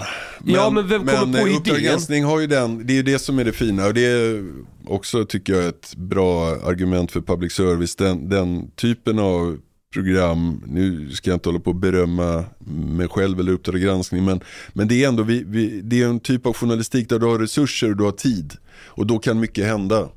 Vi, vi behöver inte vara de smartaste eller bästa men vi har tid och resurser på vår sida. Och då kan man ta reda på saker. Vad är jobbigast, det du var inne på innan, när du gör ett reportage? Eh, vad är jobbigast att höra kritik ifrån? Folket eller dina egna medarbetare, kollegor? Ja, det är en väldigt bra fråga. Jag skulle säga så här att det beror ju väldigt mycket på om jag känner att jag själv har gjort ett dåligt jobb, om jag har gjort en miss. Så det är jävligt jobbigt att höra, även om det kommer från någon som är långt från mig, alltså vanligt folk eller någon vaken tittare som påpekar någonting. Så, så kan ju det hugga till. Om det är något som, som man själv känner, ja det där stämmer, jag, jag missar det. Å andra sidan, om jag känner att det här står jag för, då spelar det ingen roll om jag blir utskälld av min egen redaktion eller eh, om jag får en armé av orcher mot mig på liksom, nätet. Eh, för det, jag står för det jag har gjort. Mm. Men eh, så att det är både och. Jag, vi har ju väldigt hårda utvärderingar på Uppdrag granskning. Eller de har varit hårda. Under en tid fick vi till och med lägga ner dem för att det var så mycket bråk. Hur, går Eh, de, hur, hur gör ni de där utvärderingarna? Ja men det är ju efter varje program, det går ju på onsdagar så har vi utvärdering på torsdag. Eh, och då är det ett par reportrar eller medarbetare som, som har sett programmet extra noga och ska gå igenom. Är det externa reportrar eller Nej, nej, är det, är, inom redak- det, är, det är som ett redaktionellt snack. Och det är ju fullständigt nödvändigt om man ägnar tre fyra månader åt ett jobb och så publiceras det. Så är det klart att man måste ha en, en diskussion på redaktionen om det som var bra och det som var dåligt. Det, man måste göra det. Och i vår värld så gäller det att lägga saker på bordet. Man kan inte, det finns ju organisationer eller kulturer där man ska klappa på axeln. Ja men du vet, fan, vad- fan vad bra, det här var bra, jättebra. Så är det inte riktigt hos oss. Alltså man kan också få höra det. Men ofta så är det som att man jobbar i tre, fyra månader.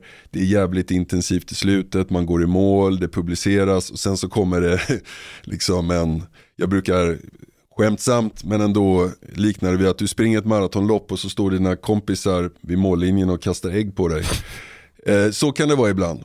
Eh, och då undrar man, eh, vad fan håller jag på med? Men det är på något sätt nödvändigt. Man, om vi hade varit en organisation som hade liksom, stoppat det under mattan, att man hade sagt jättebra fast det inte var bra.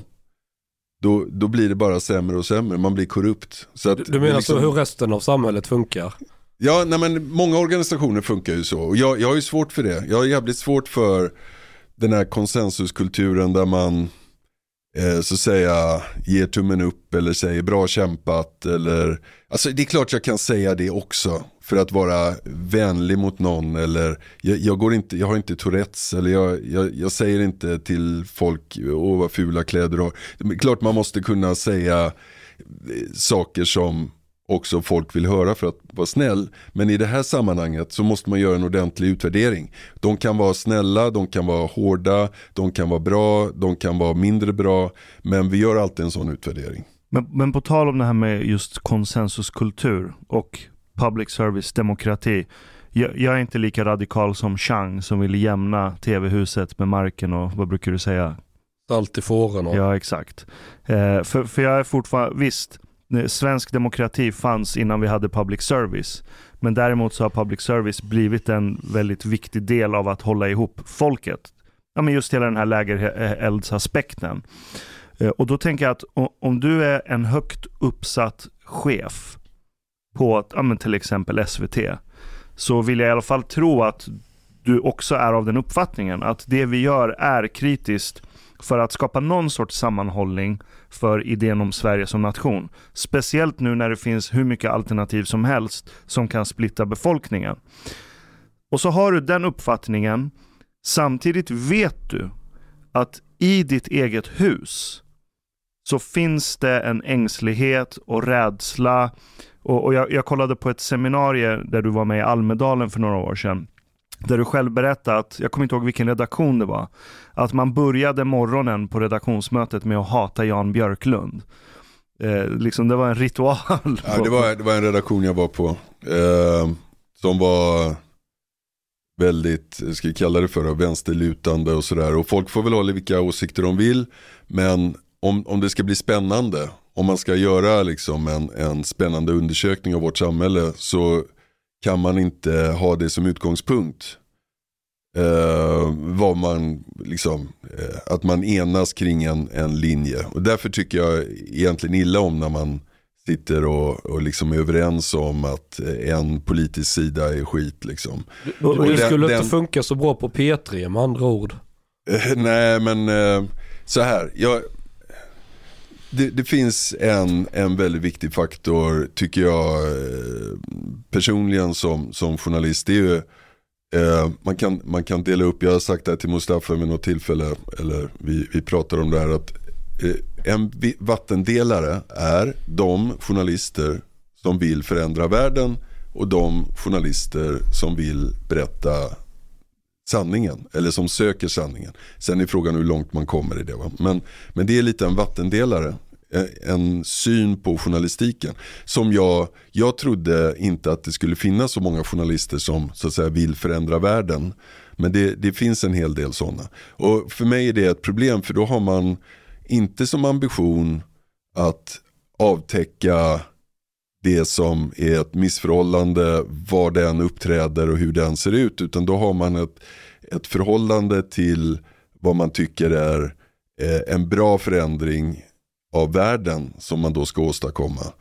Ehm, Nu kan ju en del journalister säga så här, vad fan har han fått det där ifrån, vadå rädda världen? Men det här är ju ett riktigt exempel som du har varit med om. Ja just det som jag berättade om, jo men det, det är liksom eh, kuriöst kanske. Men jag, jag sökte en tjänst på eh, vad heter, Dagens Arbete en gång i tiden.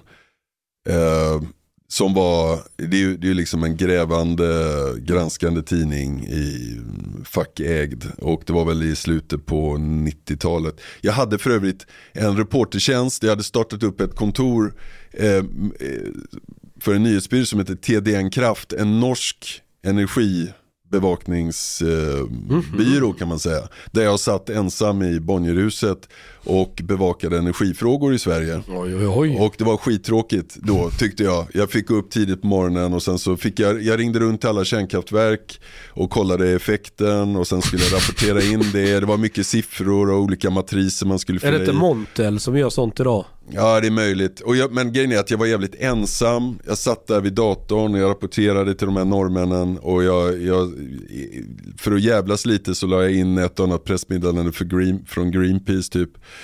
Men eh, det var det jobbet jag hade och då sökte jag mig, då sa jag upp mig helt enkelt och sökte. Gick det inget bra på dejter? Nej, det Vad var, gör du då? Det var, Nej, ja.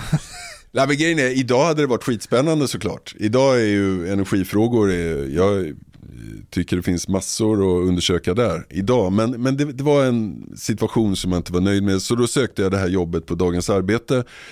Eh, som då var, eh, Eh, det var Hans Larsson tror jag som hade varit på Striptease, UGs eh, föregångare som var chef där och de hade granskande ambitioner och så. Så jag, jag sökte mig dit och hamnade bland de tre som fanns med liksom i, i slutprocessen där. Och då satt jag och gjorde en intervju, han, Hans Larsson gjorde en intervju med mig och han hade boxhandskar på väggen också. Som jag liksom kunde knyta an till. Eftersom jag har boxats lite eller tränat lite boxning och thaiboxning och sådär. Skitsamma, jag tyckte intervjun gick bra. Men sen skulle facket komma in också och ställa några frågor. Och då fick jag den här frågan, vill du förändra världen? Eh, och jag sa då nej. Eh, och jag sa det just med, den, med det motivet att jag, eller motiv, eh, det argumentet, eh, att jag, jag är ute efter sanningen. Eh, men det är bara det, jag förklarade inte tillräckligt, utan jag sa liksom ganska kort nej. Och det tas ju då som att jag, jag är inte engagerad. Jag bryr mig inte så mycket. Man vill ju liksom inte anställa någon slags slacker som inte, som inte bryr sig om, om vad som händer i världen. Men det, det var jag verkligen inte. Jag, jag hade massa idéer och energi. Men det där kom liksom inte fram utan det var, men det, den frågan var så typisk. Vill du förändra världen? Mm. Det betyder att man är engagerad. Och jag Fast sa, vad betyder det egentligen? ja, det, Och det betyder att man använder journalistik instrumentellt. Journali- Ja. alltså, journa- journalistik, det var ju som de här två skolorna om man säger. Den ena är att söka vara konsekvensneutral, alltså bara försöka förklara för läsaren vad har hänt, varför har det hänt, vad säger folk och försöka vara så torr ovanifrån som möjligt och berätta ett skeende. Vill du förändra världen då är journalistiken bara ett verktyg för att uppnå ett annat mål. Du kanske vill ha eh, full socialism eller du vill ha full marknadsekonomi eller vad det nu brinner för klimatet eller vad det nu kan vara. Och sen blir journalistiken bara ett verktyg för att nå det målet så att säga. Men då, då är man egentligen inne och gör propaganda. Och då, då använder ordet propaganda i dess mest positiva bemärkelse. Många ser det som ett negativt ord men egentligen i grunden är det inte det. Eh, marknadsföring från företag är propaganda. Och det är liksom inte något, det har fått en negativ klang av någon anledning.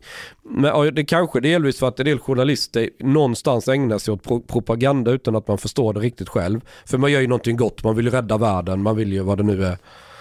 Men det är där jag tappar det. För jag tänker att om, om jag hade varit högt uppsatt chef på public service, eller suttit i ledningen eller hur nu det är uppbyggt. Jag hade ju blivit rasande och vilja omedelbart rensa bort varenda person där jag har bevis på att den här, ja men på den här redaktionen skapas det en konsensuskultur för att den här personen beter sig på det här och det här sättet. Eller de här personerna vill förändra världen, de är inte ute efter sanningen främst. Jag man, hade... man talar inte om det på det sättet, ja, det är något som jag har lagt märke till. Men eh, alltså hur ska man eh, beskriva, det, det, finns en konsensuskultur och jag tror att den, den är mycket mer subtil. Det är ju inte så att, alltså det är möjligt att på 70-talet att det verkligen satt folk inne på eh, TV2 hette det väl då eh, och verkligen ville genomdriva någon revolution och sådär. eh, det, så tror jag det var. Och, men, men idag så är det ju inte det som är grejen utan det är ju snarare liksom att man det finns en underförstådd gemenskap kring vissa frågor och där om man avviker från det så, så blir det genast säga, mer friktion eller det blir lite känsligare och det gör att, att den här konsensuskulturen håller ihop. Ehm, och om alla är överens om alltså det här med förändra världen som jag tycker mig ha sett liksom som en faktor då att man, man vill eh, motarbeta de onda krafterna och sådär. Då ligger det liksom som en, en filt över. Medans, jag menar, eh, ta några exempel som inte är så laddade då, då för att beskriva att eh, till exempel Janne Josefsson eh, och jag tror det var Lars-Göran Svensson, jag är lite osäker, som gjorde en granskning av Stadsmissionen. Och det, de är ju de goda krafterna, samlar in pengar så att folk har någonstans att, att bo, hemlösa slipper frysa. Men då visade det sig att de hade lägenhetsaffärer, de delade ut lägenheter till den egna styrelsen och sådär. Um, och det är klart, då, då, då får man ju liksom granska det som är gott. Eh, även om det, det är ju någonting gott i längden att man gör det. Fast man måste ju, det, det är som att granska Amnesty eller det är som att granska barnfattigdomen var också ett sånt där reportage. Man, man granskar de organisationer som jobbar mot barnfattigdom för att man tycker att de överdriver fattigdomen i Sverige för att få pengar till barn. Uh, och då för att gå på det så måste man ju återigen då uh, utmana det som är gott. Mm. Uh, och, men då är man ju en sanningssökare. Ja. Man, man, om man hade varit ute efter att förändra världen så hade man ju tyckt att skitsamma att de överdriver. För det är ju någonting, det är ju mm. ett gott syfte. Det är till fattiga barn. Sen skitsamma mm. hur fattiga de är. Ändamålet helgar medlen. Exakt. Är det där man kan prata om aktivism, att man är mer aktivist än journalist? Ja, det riskerar ju att bli så. Eh, och det får man ju se upp med då. Liksom. Men, eh, men som sagt, det är, jag, jag, tycker illa om eh, konsensus, jag tycker illa om lågt i tak, jag tycker att man ska ta in fler perspektiv. Jag gillar när man har olika åsikter. Det är livsviktigt för eh, journalistiken också. Att man gör olika grejer, att man inte trampar i samma spår. Och då, då tycker jag de här sanningssökarna då, de, de utmanar ofta konsensus. Jag har lyssnat på din eh, pappas sommarprat. Jag lyssnade på den om igen på väg hit. Och visst har du varit med och producerat den? Ja, det stämmer. Va, vad heter din pappa? Sten Ljunggren, mm -hmm. skådespelare. Ah, okej. Okay. Mm. Och, det är ett ja. väldigt fint sommarprat. Jag kan verkligen rekommendera den. När var det här? Eh, förra året va? Förra sommaren, yes. Förra sommaren. Ja, vad, vad roligt att du lyssnar på det. Ja, men jag tyckte väldigt mycket om den. Det är, det är väldigt så här långsamt sommarprat. Och det är inte grandiosa berättelser utan han, han fokuserar på en resa till Mallorca.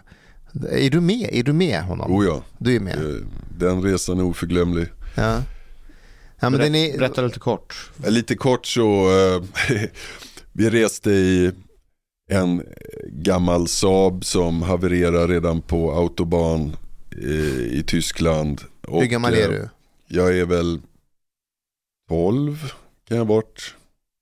11-12 år. Jag, hade, jag var så gammal att jag inte var ett stort besvär i alla fall. Utan jag var snarare lite grann en hjälp.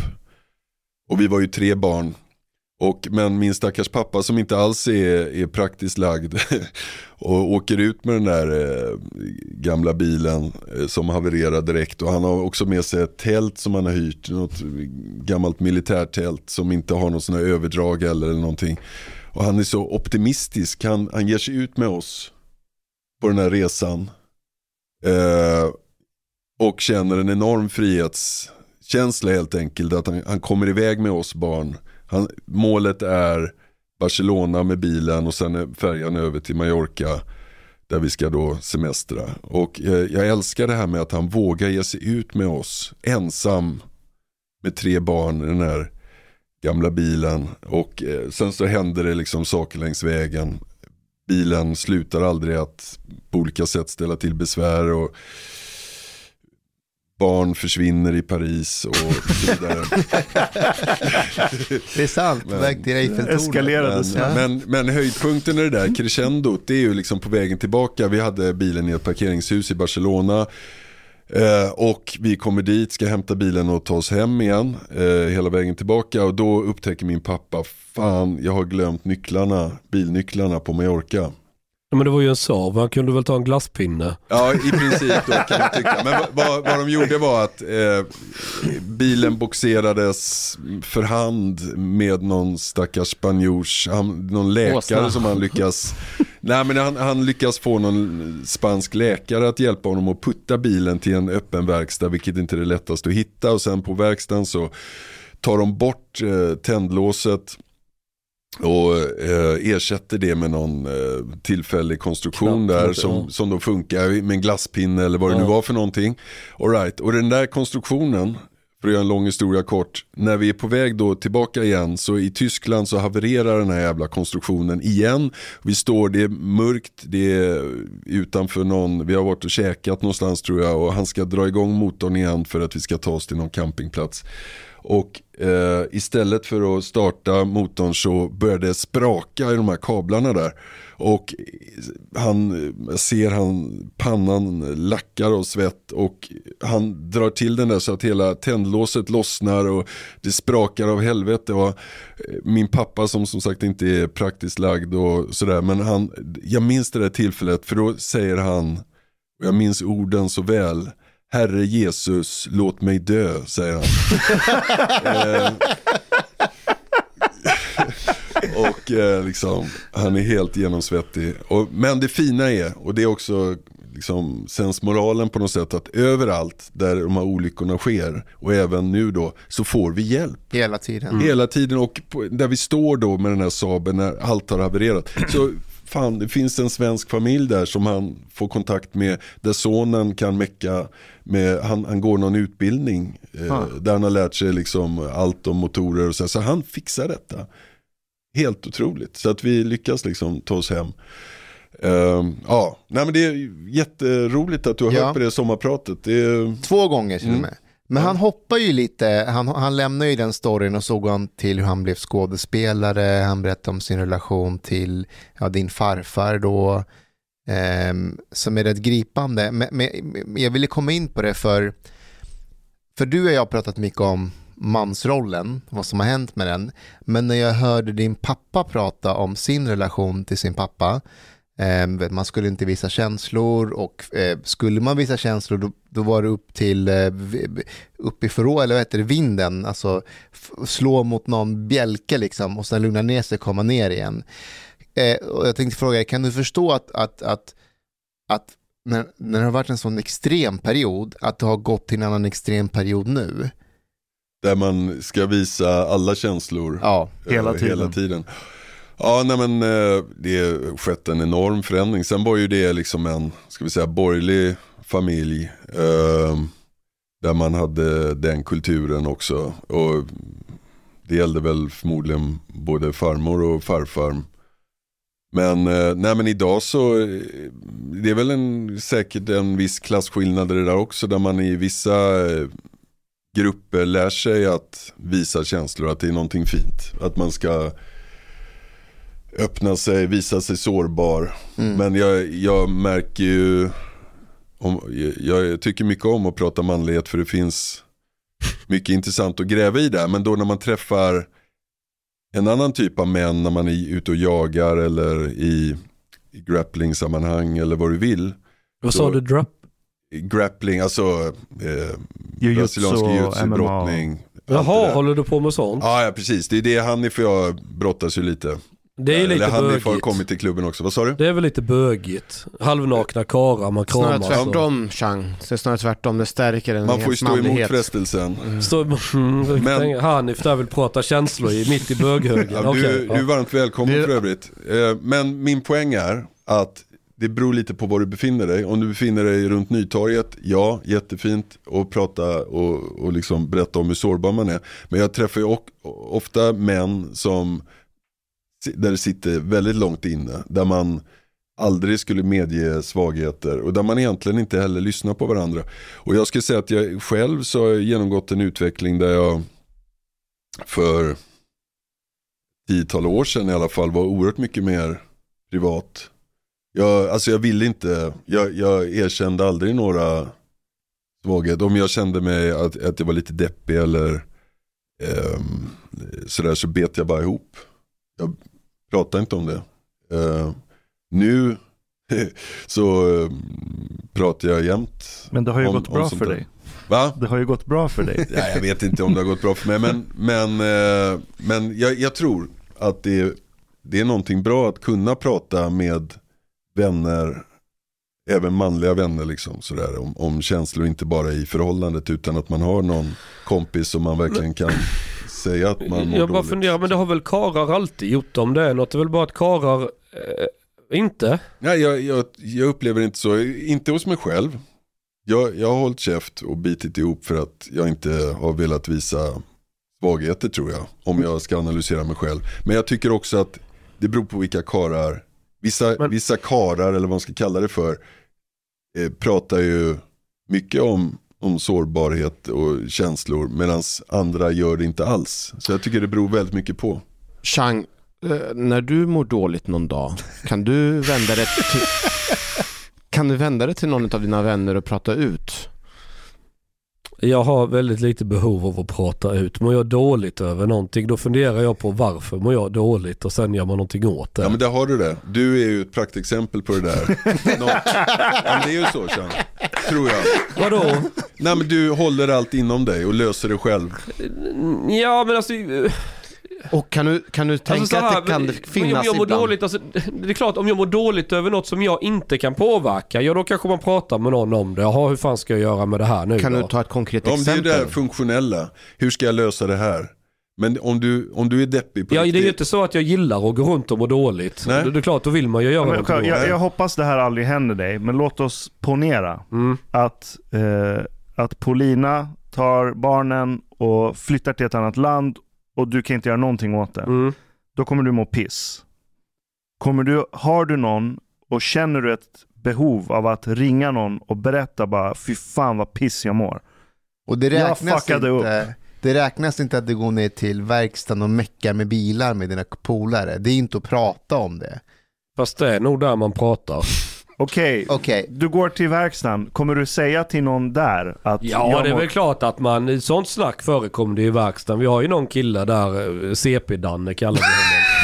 Eh, och, och han, han hade lite... Råkar, råkar han också vara CP för att just han pratar om känslor? Nej, men eh, han är en sån här kille som... Jag har träffat honom, han pratar inte känslor. eh, Nej, men, men om vi säger, ah, han hade lite otur i livets genlotteri eller hur jag ska uttrycka det. Men jävligt snäll kille, alltså genuint godhjärtad men ser ut som en flåbuse och pratar som en flåbuse. Som att åh han känner, han är livsfarlig, han ska du vet göra köttfärs och vem som helst och bla bla bla. Men Men han kan är, du prata om dina egna sårbarheter med honom? ja det är nog den personen jag mest skulle Är kunna det för göra. att han inte förstår eller hör vad du säger? Nej, det är för han att kan inte det är en berätta det väldigt, för andra. Därför att det är en väldigt, väldigt känslig kille. Han är väldigt så här, eh, känner av folk. Sen är det bara att han är jävligt felkalibrerad i huvudet. Att han har väldigt svårt att läsa situationen. Han är lite korkad på ren svenska. Men jag har märkt med honom att det är väldigt ofta han, han vill prata känslor och det är någonting han är upprörd över eller besviken eller så kan man ju skratta åt vad det är i hans värld som gör honom upprörd. Det är sådana här tramsaker. Men för honom är det stort. Och det är många gånger vi pratar om grejer där i garaget om så här. Mycket, mycket, det är ingen tjej som vill ha honom liksom. Inte så konstigt kanske varför. För ser man honom så förstår man. Men, men, men ändå, det är klart han vill ju träffa tjejer och han försöker och så får han nobben och så får han försöka hantera det här då ju. Och rätt vad det är det är någon brud han har lyckats få till det med.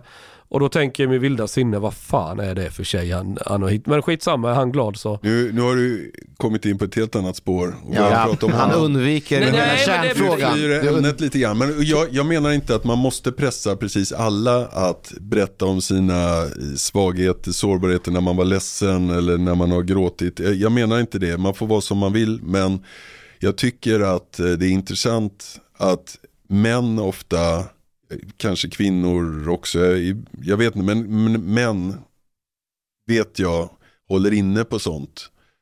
Eh, Ja, men alltså, jag tror att det är ju skillnad på män och kvinnor. Kvinnor gillar mer att prata känslor. Överlag. Ja, och, skulle- och de kan också, om, upplever jag det som att ibland så, min flickvän till exempel då, om hon har problem så, så vill hon prata om de problemen men hon, hon vill inte att jag ska lösa dem åt henne. Det är nog det vanligaste misstaget Ja. män gör med kvinnor. Exakt, Att när man, de pratar så tänker man, okej, hur ska jag, jag tänker att, okej, hur, då ska jag lösa det här åt dig, men det är inte det de vill ha. exakt, det- det är de inte vill bara kunna få lyssnad, lite bekräftelse. lyssnad Det är inte bara män mot kvinnor utan det är även män mot män. Okej, det känner inte jag igen.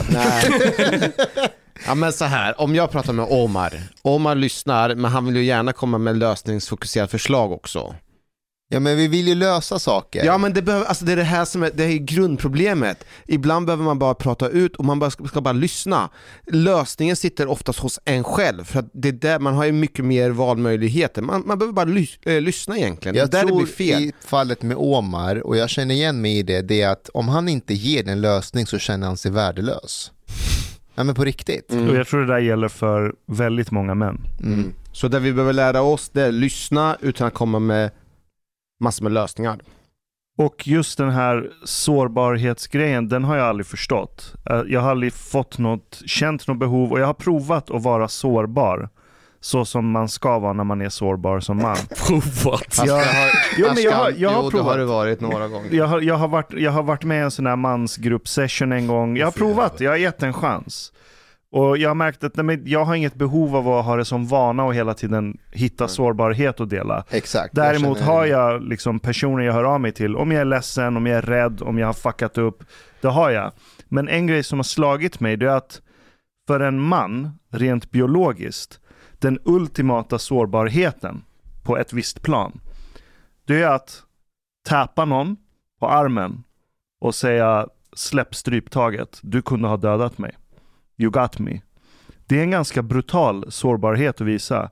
Och jag undrar om det är det som gör att många män som börjar med grappling, MMA och jujutsu kommer närmare sina känslor via det. För att de visar sig fysiskt sårbara. Är inte det mer en överlevnadspanikgrej? Nej, Nej, nej, men för du, du är är- inne, när du nej, du är tappar inne ut, på någonting. när du du är tappar på ut, någonting. då säger du, om du får Ja. ett strypgrepp på mig Hanif, och Ja. jag tappar, Ja. då säger Hanif, du kunde ha dödat mig. Mm. Ja, Du, men- du bemästrade mig fysiskt som man. ja, och det är därför det gör att vi blir ödmjuka inför varandra, Yes. att man är extra känslig. Men det, det är sant va, eh, det du säger så tillvida att det, det, det skulle kunna vara det ultimata liksom, undergivenhetstecknet på något sätt. Att, Fysiskt i alla fall. ja, och sen så är man lägre i rang. Men så funkar det inte i, i liksom när man grapplar så mycket så man, det är ingen konst att, att tappa eller klappa ut. Det gör man hela tiden. Eh, Men är det inte det som gör att man är, alltså man är öd, man är mycket mer, jag uppfattar att i, när man håller på med kampsport så är man ju eh, alltså, oerhört ödmjuk inför varandra. Absolut, så man blir ödmjuk. Alltså jag, jag tycker det är ett väldigt bra sätt att just eh, bli ödmjuk genom att jag, jag kan inte sitta som någon gubbe som vet allt och sitta på någon stol och ha en massa prestige utan jag, jag blir nedtryckt, utdragen, utstrypt eh, och eh, går därifrån lite ödmjukare än vad jag var innan jag kom, höll jag på att säga. Men, men liksom det, det, det skapar en ödmjukhet, tror jag. Jag tror att det, det är bra på det sättet. Men det är ju, det är inte, det, jag upplever det inte som en, en sårbarhet. Det är, eftersom det, det är ungefär som om du spelar pingis, att du förlorar en match i, i längden. Alltså om, om, du, om du brottas eller grapplas så det, du blir utdragen ett par gånger varje pass. Då har jag överromantiserat det kanske. Nej, men det, Överromantiserat. Men Sean, kan, kan inte du prata med din art, art director, Tobbe? Jo, Han verkar ju jättesnäll. Jo, vi snackar väl väldigt mycket om allt högt och lågt och till höger och vänster. Men det är väl sällan. Alltså det är inte det att vi sitter och pratar känslor som tjejer gör. Det är liksom inte, det har aldrig fallit mig in. Det, det blir konstigt för jag, jag tänker inte så. Jag tror vi hade någon diskussion innan Omar var här att ibland känns det som, eller det upplevs som att det trycks på en att nu måste jag helt plötsligt börja prata mer känslor för att det förväntas av omgivningen. Och jag, men jag tänker inte så mycket Men och sådana det, där det ska saker. man ju inte ta intryck av tycker jag. Alltså om omgivningen kräver något, det kan man ju Ja men det har blivit någon trend nu att nu ska Nej, men- män börja prata mer känslor. Man, menar, Det måste ju komma inifrån, man, det måste komma från en själv, ett behov. Och eh, jag kan bara gå till mig själv där jag liksom har sett att jag under långa perioder om jag går och funderar, har problem, kanske faktiskt eh, egentligen, även om jag inte vill erkänna det, så kanske jag är, är lite deprimerad över någonting. Ett problem som går skaver hela tiden som jag tänker på. Så jag har gått under långa perioder och inte sagt ett knyst till någon.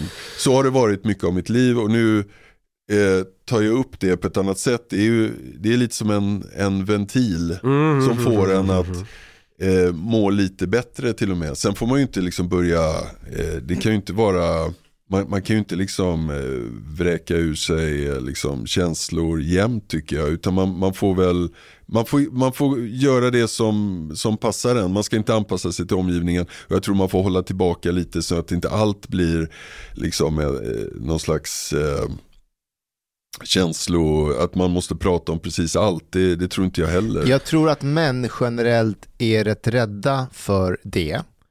Alltså att i och med att det har varit en påtryckning att ja, men visa ingen svaghet och sårbarhet och visa inte känslor.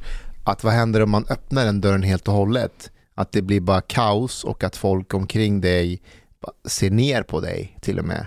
Att, att, att det blir alldeles, i och med att du aldrig har gjort det förr så vet du inte heller vad rätt sätt är att göra det på. Så då ger man sig inte in i det spelet över, överhuvudtaget. Men jag tror att om du, om du ingår i ett, eh, säg, grabbgäng, mansgäng, där kulturen är att du är stark, du håller saker för dig själv. Behöver du hjälp med något så kan du kanske fråga, men du löser det oftast själv. Eh, och, eh, och sådär. Det är lite så med, med ditt garage verkar det som. Liksom, att att eh, ni har den Alltså- attityden ändå. Men och då i det läget att börja öppna sig och säga, åh grabbar, jag, jag mår faktiskt jävligt dåligt över någonting och jag, jag grät igår för det här. Eh, det är klart, då, då har man ju visat en sida som potentiellt kan vara, då, då gör man sig väldigt sårbar helt Fast det är vissa som är sådana i garaget. Det är så. Hur, Ja. hur reagerar de andra i garaget då? Nej men då så. försöker man hjälpa att rycka upp personen och liksom ta sig ur det där och vad man nu kan komma med tips och råd eller Det är inte så, Så att... det bemöts med kärlek? Eller Ja, det- ja, det är inte Ja. så. Alltså, sen är det lite grabbig jargong. Man skojar med folk för att få dem på humör och lite så här. Och sen kan man dra någon Det är anekdot nice, att... det gillar jag. Eh, ja men man drar någon anekdot att jo, jo men det där har jag med varit med om. Men det där kommer gå över. Jag liksom, tänk på det här istället och hej och hå och sånt där småskit. Så är det ju. Men mitt bekymmer som jag ser med den här diskussionen det är att jag känner inte så mycket överhuvudtaget. Jag har inte så mycket känslor att dela med mig av. Och det kommer jag ihåg Omar sa en gång, var det Bianca Kronlöf eller vem det var som var med? Mm. Att är jag med om någonting jag fäller den här riksdagsledamoten kan man tänka att hade det varit precis i början när jag började lajva näthatare då hade det varit den värsta, shit vad har jag gjort? Nu är det, det är något jag gjorde med vänsterhanden men det höll på med massa annat egentligen. Det är inte, man, man har gjort så mycket, så, det är inte så mycket som skakar om en om jag säger så. Hur skulle, du, hur skulle du känna om du kom i konflikt med oss här? Ja, men sen vi alla fyra, eh, om du kände att vi, att vi var taskiga mot dig. Mm, men jag skulle bara sagt ifrån. Bara betett mig åt helvete som jag gör med andra. Så det är väl Nej, inte men du skulle, prata, vet, skulle om det. Ja det är klart jag hade Ja. sagt ifrån och sådär var jag står och sen är det antingen kommer man överens om något eller gör man inte det och då, då slutar man väl hänga med varandra. det är inte hur, med det. hur, hur kände du när du inte fick vara med när vi, när vi intervjuade Mikael Yxel från Nyans? Nej, jag, jag tänkte nog mest att nu kommer det bli ett jävla liv om det där i, i, i kommentarer och grejer. Det blev det också. diskussioner. Jag, personligen så, jag tänker inte så här att åh nej jag är utanför. Utan jag, jag fattar ju ändå så långt att han är ju rädd för mig. Och då tycker jag det är intressant att fundera vad är det som gör att han är så himla skraj för mig. Det, det, det, det är inte jag som känner mig utanför, det är han som är, är, är skraj och, och rädd för en situation. Att vad kommer jag ställa för frågor, allting. Vad har han fått för bilder och sådär. Så att jag, jag är väldigt... Alltså, han kanske var egentligen mer rädd för vad han skulle få för kommentarer Nej, av men- andra personer. Jag, jag är nog lite felkopplad i huvudet kan man väl säga. För vi kan ta ett annat exempel. Jag har gått in ibland på Publicistklubben och har sina möten. Och nu pratar vi några år sedan när jag var det värsta katten kunde släppa in. Och jag kommer dit med min kamera. Och så kan man ställa lite frågor från golvet. Och då drar jag av de här frågorna som var som mest tabu. Ja men det kunde vara invandrares överrepresentation i våldtäkt eller någonting. Och bara, ja men statistiken säger ju det. Hur kan ni stå och påstå någonting annat? Du vet så här bara hur ska man kunna lita på att ni är objektiva? Och då bara liksom bara göra de här grejerna. Jag hör suset. Alla bara undrar, vad fan gör jag där? Vem släppte in honom? Men då går jag igång lite. Jag tycker det är kul. Det är någonting. För jag, jag vill inte vara en del av det här. Och så var det redan när jag var liten i skolan. Jag ingick aldrig några riktiga gäng. Jag var alltid lite ensamvarg.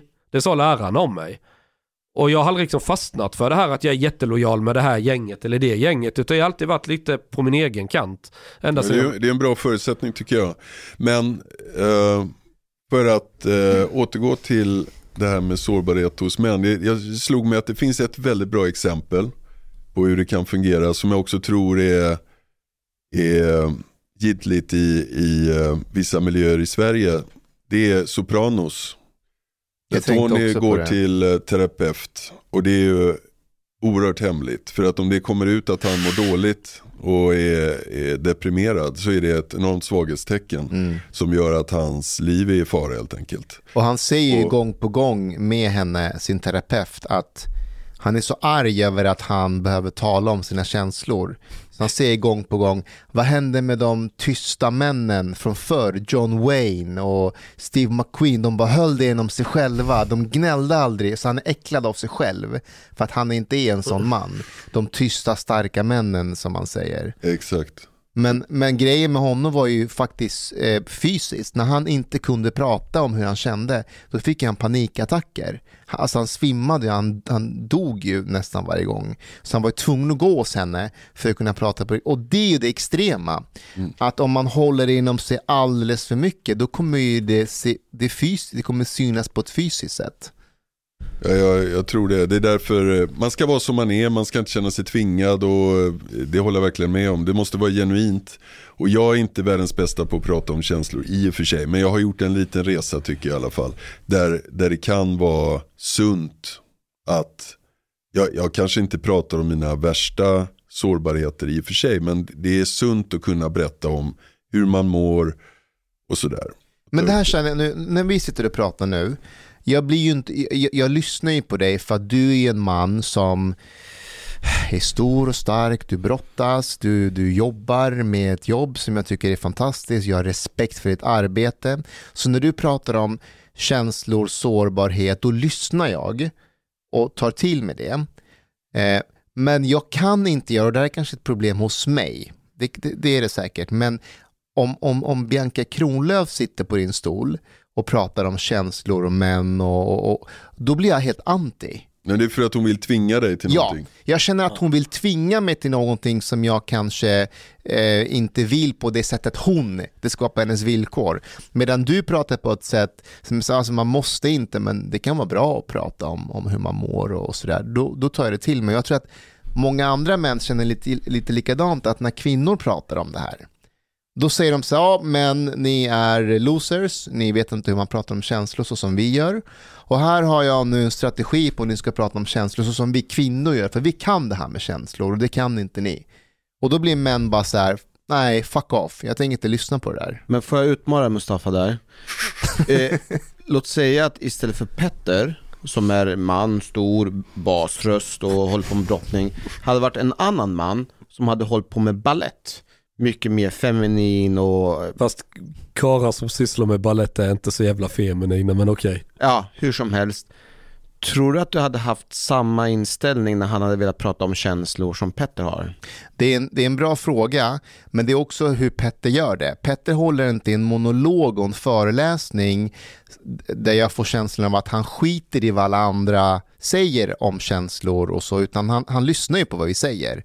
Och sen, sen säger han, men har ni tänkt på det och det?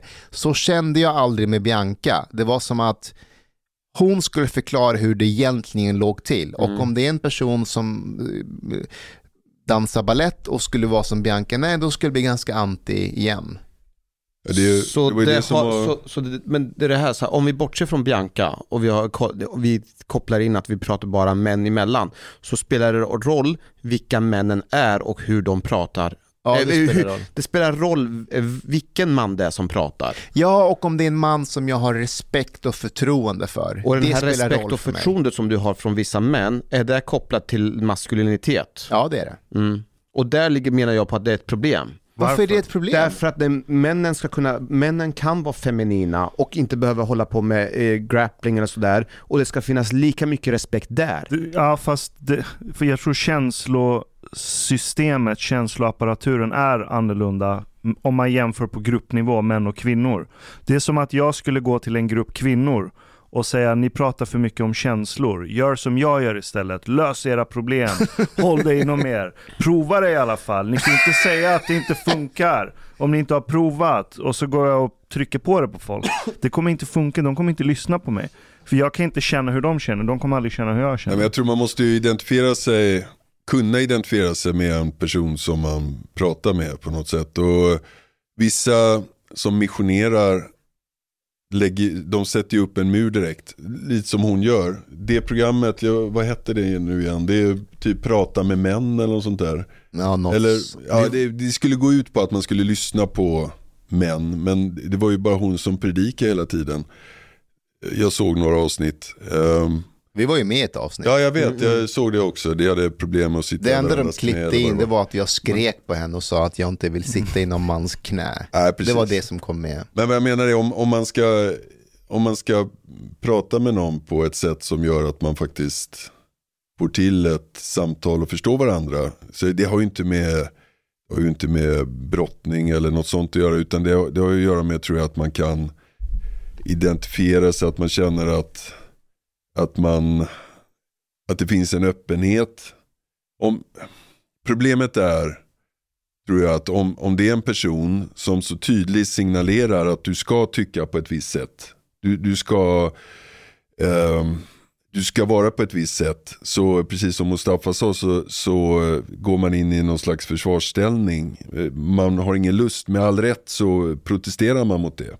Jag, jag skulle aldrig vilja anpassa mig efter vad eh, liksom, någon, någon eh, om det, om det var en grupp kvinnor eller män eller vad fan som helst som, som vill att jag ska vara på ett visst sätt och lämna ut mina känslor eller alltså det, jag pallar inte det alls. Men om, om det kommer ett mail från SVT-ledningen att nu ska vi ha ett grupp, värdegrundsgruppmöte där alla ska prata känslor. ja, det, det funkar ju inte. det kommer inte funka. Nej, det är jättesvårt. Men däremot så finns det ju, det finns ju övningar som man kan göra där man får liksom släppa garden lite. Vi gjorde faktiskt det på Uppdrag granskning. Vi hade ett seminarium. Vi gör det här med, vi kör. Ja, men det här, ja, vi kan göra den här övningen faktiskt. Ja, det, det är rätt spännande. Okej, nice. Så här, eh, Uppdrag granskning normalt sett. Det är, jag säger inte att det, det alltid är så jävla hårt och sådär på redaktionen. Det, det är vänskapligt och mycket humor också. Men det finns hela tiden en underliggande problematisering, en, en kritik av vad man gör och sådär. Men då hade vi en övning som gick ut på att eh, en medarbetare, kollega skulle stå med ryggen mot en grupp som skulle sen bara spruta ur sig positiva kommentarer kring den här medarbetaren. Eh, man fick liksom brainstorma och säga allt bra som, som var med den här medarbetaren. Så man var liksom som ett eh, regn av komplimanger. Och du, du skulle inte palla det kanske.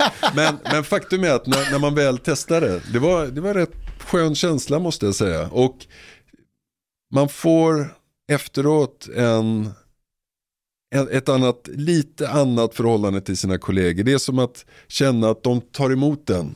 Men när man har fått alla de här eh, komplimangerna. Det, det finns en, en, en övning på scenskolan när man ska kunna falla bakåt. Just Så det. ska de ta emot den. Vi kan En inte, trygghetsövning. kan, ska, jag tycker vi gör den här övningen på Chang nu. Ja, vi gör det på chans. Ska man vända sig med ryggen mot och bara lyssna? Chans ska vara med ryggen mot. Ja, så du Chang, får, du får vända dig om nu, så du får inte titta Ska på jag ha någon. med Du ska- Nej, du du ska ska, väl inte inte säga säga något, du ska vara någonting. tyst. Ja. Och så får man bestämma då. Vi kör i, i 30 sekunder. Ja.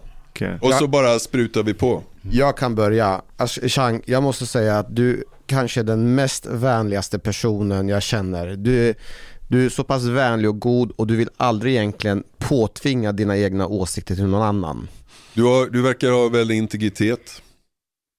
Eh, Chang, du, du är den människa som jag, jag har stor respekt för när det kommer till ja, men just integritet, eh, hårt arbetande och respekt för sitt arbete. Du, du har självrespekt. Chang, du är en person som har överraskat mig mest med att ha ett så stort och varmt hjärta under den här fasaden av näthatare som du visar utåt. Jag, ha, jag hade väldigt låga förväntningar på dig. Men fan vad du har överbevisat mig alltså. Jag känner ingen som är så lika generös som lånar ut alla sina, alltså som din, din feta fläskmärsa som du bara lånat ut utan några som helst problem. Så generös. Har det gått 30 sekunder nu? Ja, det är nästan Ja, det jobbigt va? Ja men det blir så här. Ja. Ja, Nej, men, men, men, det? vänta, vänta, men känner du att det vi säger är sant? Ingen aning. Ja, men snälla Chang. Ja men jag vet, för det är så här kontexten, det, eh, liksom. Varför är det här jobbigt för Därför dig? att, därför att, nej men så här.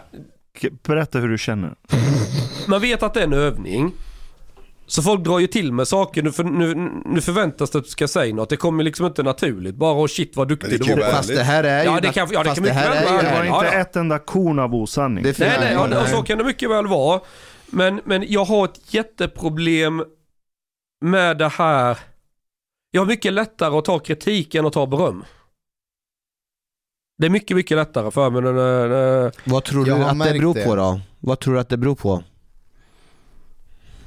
För att när folk så börjar Oh du är så bra på det här och du är så bra. Då, börjar, det, det byggs upp någon förväntan att jag måste upprätthålla det här. Och jag hatar att ha förväntningar på mig från andra. Jag kan ha egna förväntningar på mig själv, det är inga bekymmer. Men när andra har det, då blir det jobbigt. Och varför vill du inte ha förväntningar på dig? För då blir det press, då måste jag prestera, jag måste leva upp till dem, hej och hå, panikångest, stress, hela köret. Är du rädd för att svika dem? Ja, jag vill inte... Så här, jag är jävligt försiktig med att lova saker. För har jag lovat då måste jag hålla det. Därför undviker jag in i det sista och försöker förklara för folk att ja, jag ska göra mitt bästa. Hej och hå. Men jag vågar inte lova för här kan det saker som jag kanske inte har kontroll över och då vet jag inte hur detta kommer sluta eller vad det nu är för något. Varför är du rädd för commitment? För att för mig är det så himla stor sak, commitment. Jag, jag ser ner på människor som committar och sen inte lever upp till det. Och skulle jag börja bli sån då ser jag ner på mig själv. Får jag komma med en amatörpsykologisk Ja. analys? Att om du committar så att säga, skapar ett sånt band så innebär det också en sårbarhet hos dig. Ja, det du, klart kan, det gör. du kan bli sviken. Ja det är klart. O, oh, ja. Och Oh ja. den sårbarheten vill du inte, du vill inte ha den. Nej. Vem vill det?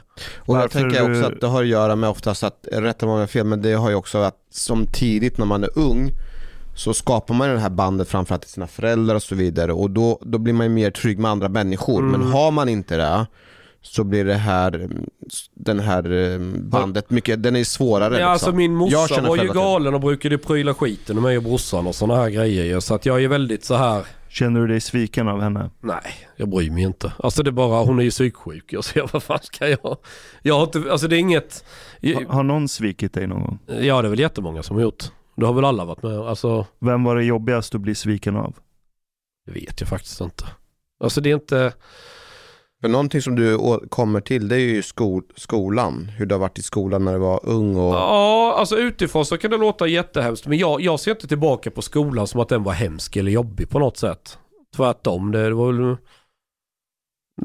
Ja, men det här är en grej du gör rätt ofta, Chang, att när du, när du pratar om de jobbiga tiderna så säger du det var skitbra att jag var med om det. Det var nödvändigt. Det var... Nej, det säger Det jag är ju en rätt strategi, det är så, alltså det, om, Ja, det, det här är det bästa för att om man har varit med om något jobbigt så ska man försöka vända det till en Ja kraft. men det, det jag upptäckt det är att alla sådana här saker som har fått en att må, må skit och det var jätte, ja du vet hela det här hej och hå, dåligt självförtroende. Det är ju där oftast man lär sig saker. Hade jag inte, hade jag levt i den här skyddade verkstaden, eh, curlingföräldrar och hej och hå, då hade jag ju varit en tväridiot idag. Förmodligen rätt odräglig människa också, inte alls ödmjuk eller någonting. Men har man varit i det där, då, mm, man får med sig saker så att det, det är ganska enkelt att förstå en del människors situation och man, man kan läsa situationer och förstå att allt är inte vad det ser ut att vara och hela det här. Alltså man har liksom kommit lite längre på något sätt. Men jag, jag tänker om, om jag går till mig själv att jag, jag känner igen mig i en hel del av det du, du säger om, eller din relation till eh, sårbarhet och sådär.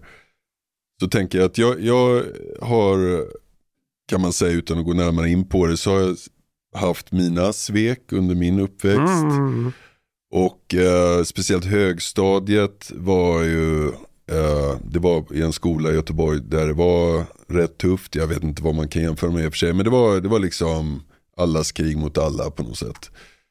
Ehm, det där gjorde, jag tror att det har påverkat mig så tillvida att jag inte riktigt kan förlita mig på min omgivning. Eller jag, jag har liksom gått genom min uppväxt att jag, jag kan inte som den här övningen på scenskolan, lägga mig bakåt och vänta att någon tar emot mig.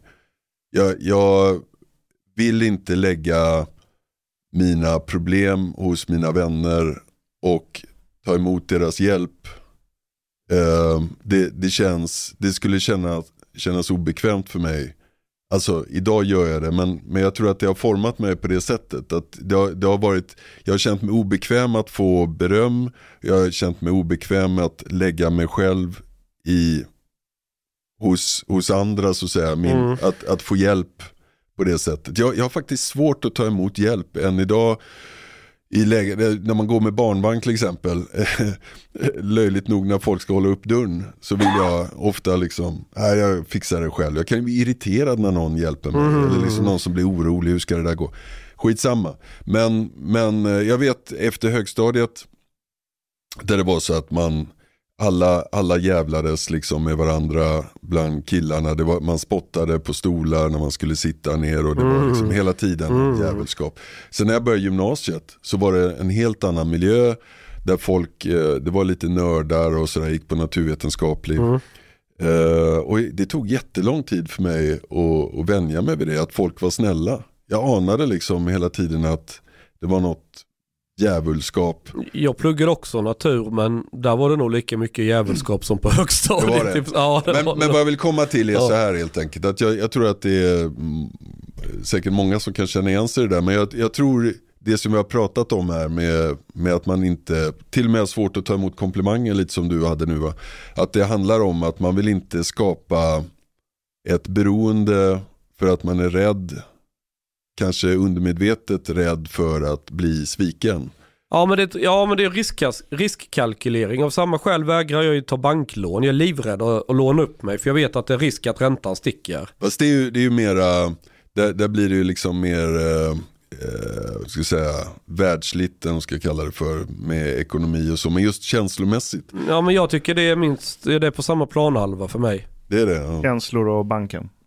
Ja för att eh, det, det är inga roliga känslor om räntan går upp och det är lånetorsk jättehögt. Det är, om det är någonting som får förhållanden att spricka och allting går till helvete. Det var ju 90-talet all over. Alltså det handlar ju om att undvika situationer Ja det tycker jag är någonting sunt. Att du, du, du är medveten om olika risker som kan sätta dig i en väldigt jobbig, dålig situation. Och, och så försöker man förebygga det. Och det gör man till exempel genom att man inte lägger sig till med ett beteende där man gör av med mer pengar än vad man tjänar. Man kanske sparar lite. Man är lite, när man kör bil, att man inte kör som en idiot utan uh, håller hastighetsbegränsningar. Men får jag dra en parallell då? För om vi, om vi tidigare har pratat om att man kanske har faktiskt dåligt självförtroende relationsmässigt Mm.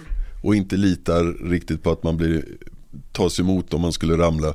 Så är det du pratar om nu, det är på ett sätt dåligt självförtroende eller det är en osäkerhet rent eh, materiellt som jag tror man kan uppleva om man kommer från förhållanden där eh, man inte tar pengar för givet och vet Mm. att man alltid landar på fötterna. Det är ju många, det är ju ett klassproblem egentligen. Som Ja, det, jag tycker inte det är ett problem, jag tycker Nej, det är sunt. Ja, nej, men det är sunt. Tänk dig följande att du, du kommer från du har arbetarklassbakgrund och så vågar du inte riktigt ta de här CSN-lånen och, och utbilda dig vidare utan du, Fast det, gjorde jag, men jag betalade av Ja, dem också. ja men precis. Men jag tror att det, det kan vara ett problem om man kommer från den typen av förhållanden att man inte har självförtroende eller man, man vill inte ta risken att ta ett banklån, man vill inte ta risken att ta ett studielån och man förblir vid sin läst så att säga. Det, Alltså på så sätt, du har ju en poäng, det är bara det att det inte stämmer på chans, för du är ju en risktagare. Ja det är jag. Alltså, Av det, rang. alltså så här, så här, sätt. så här.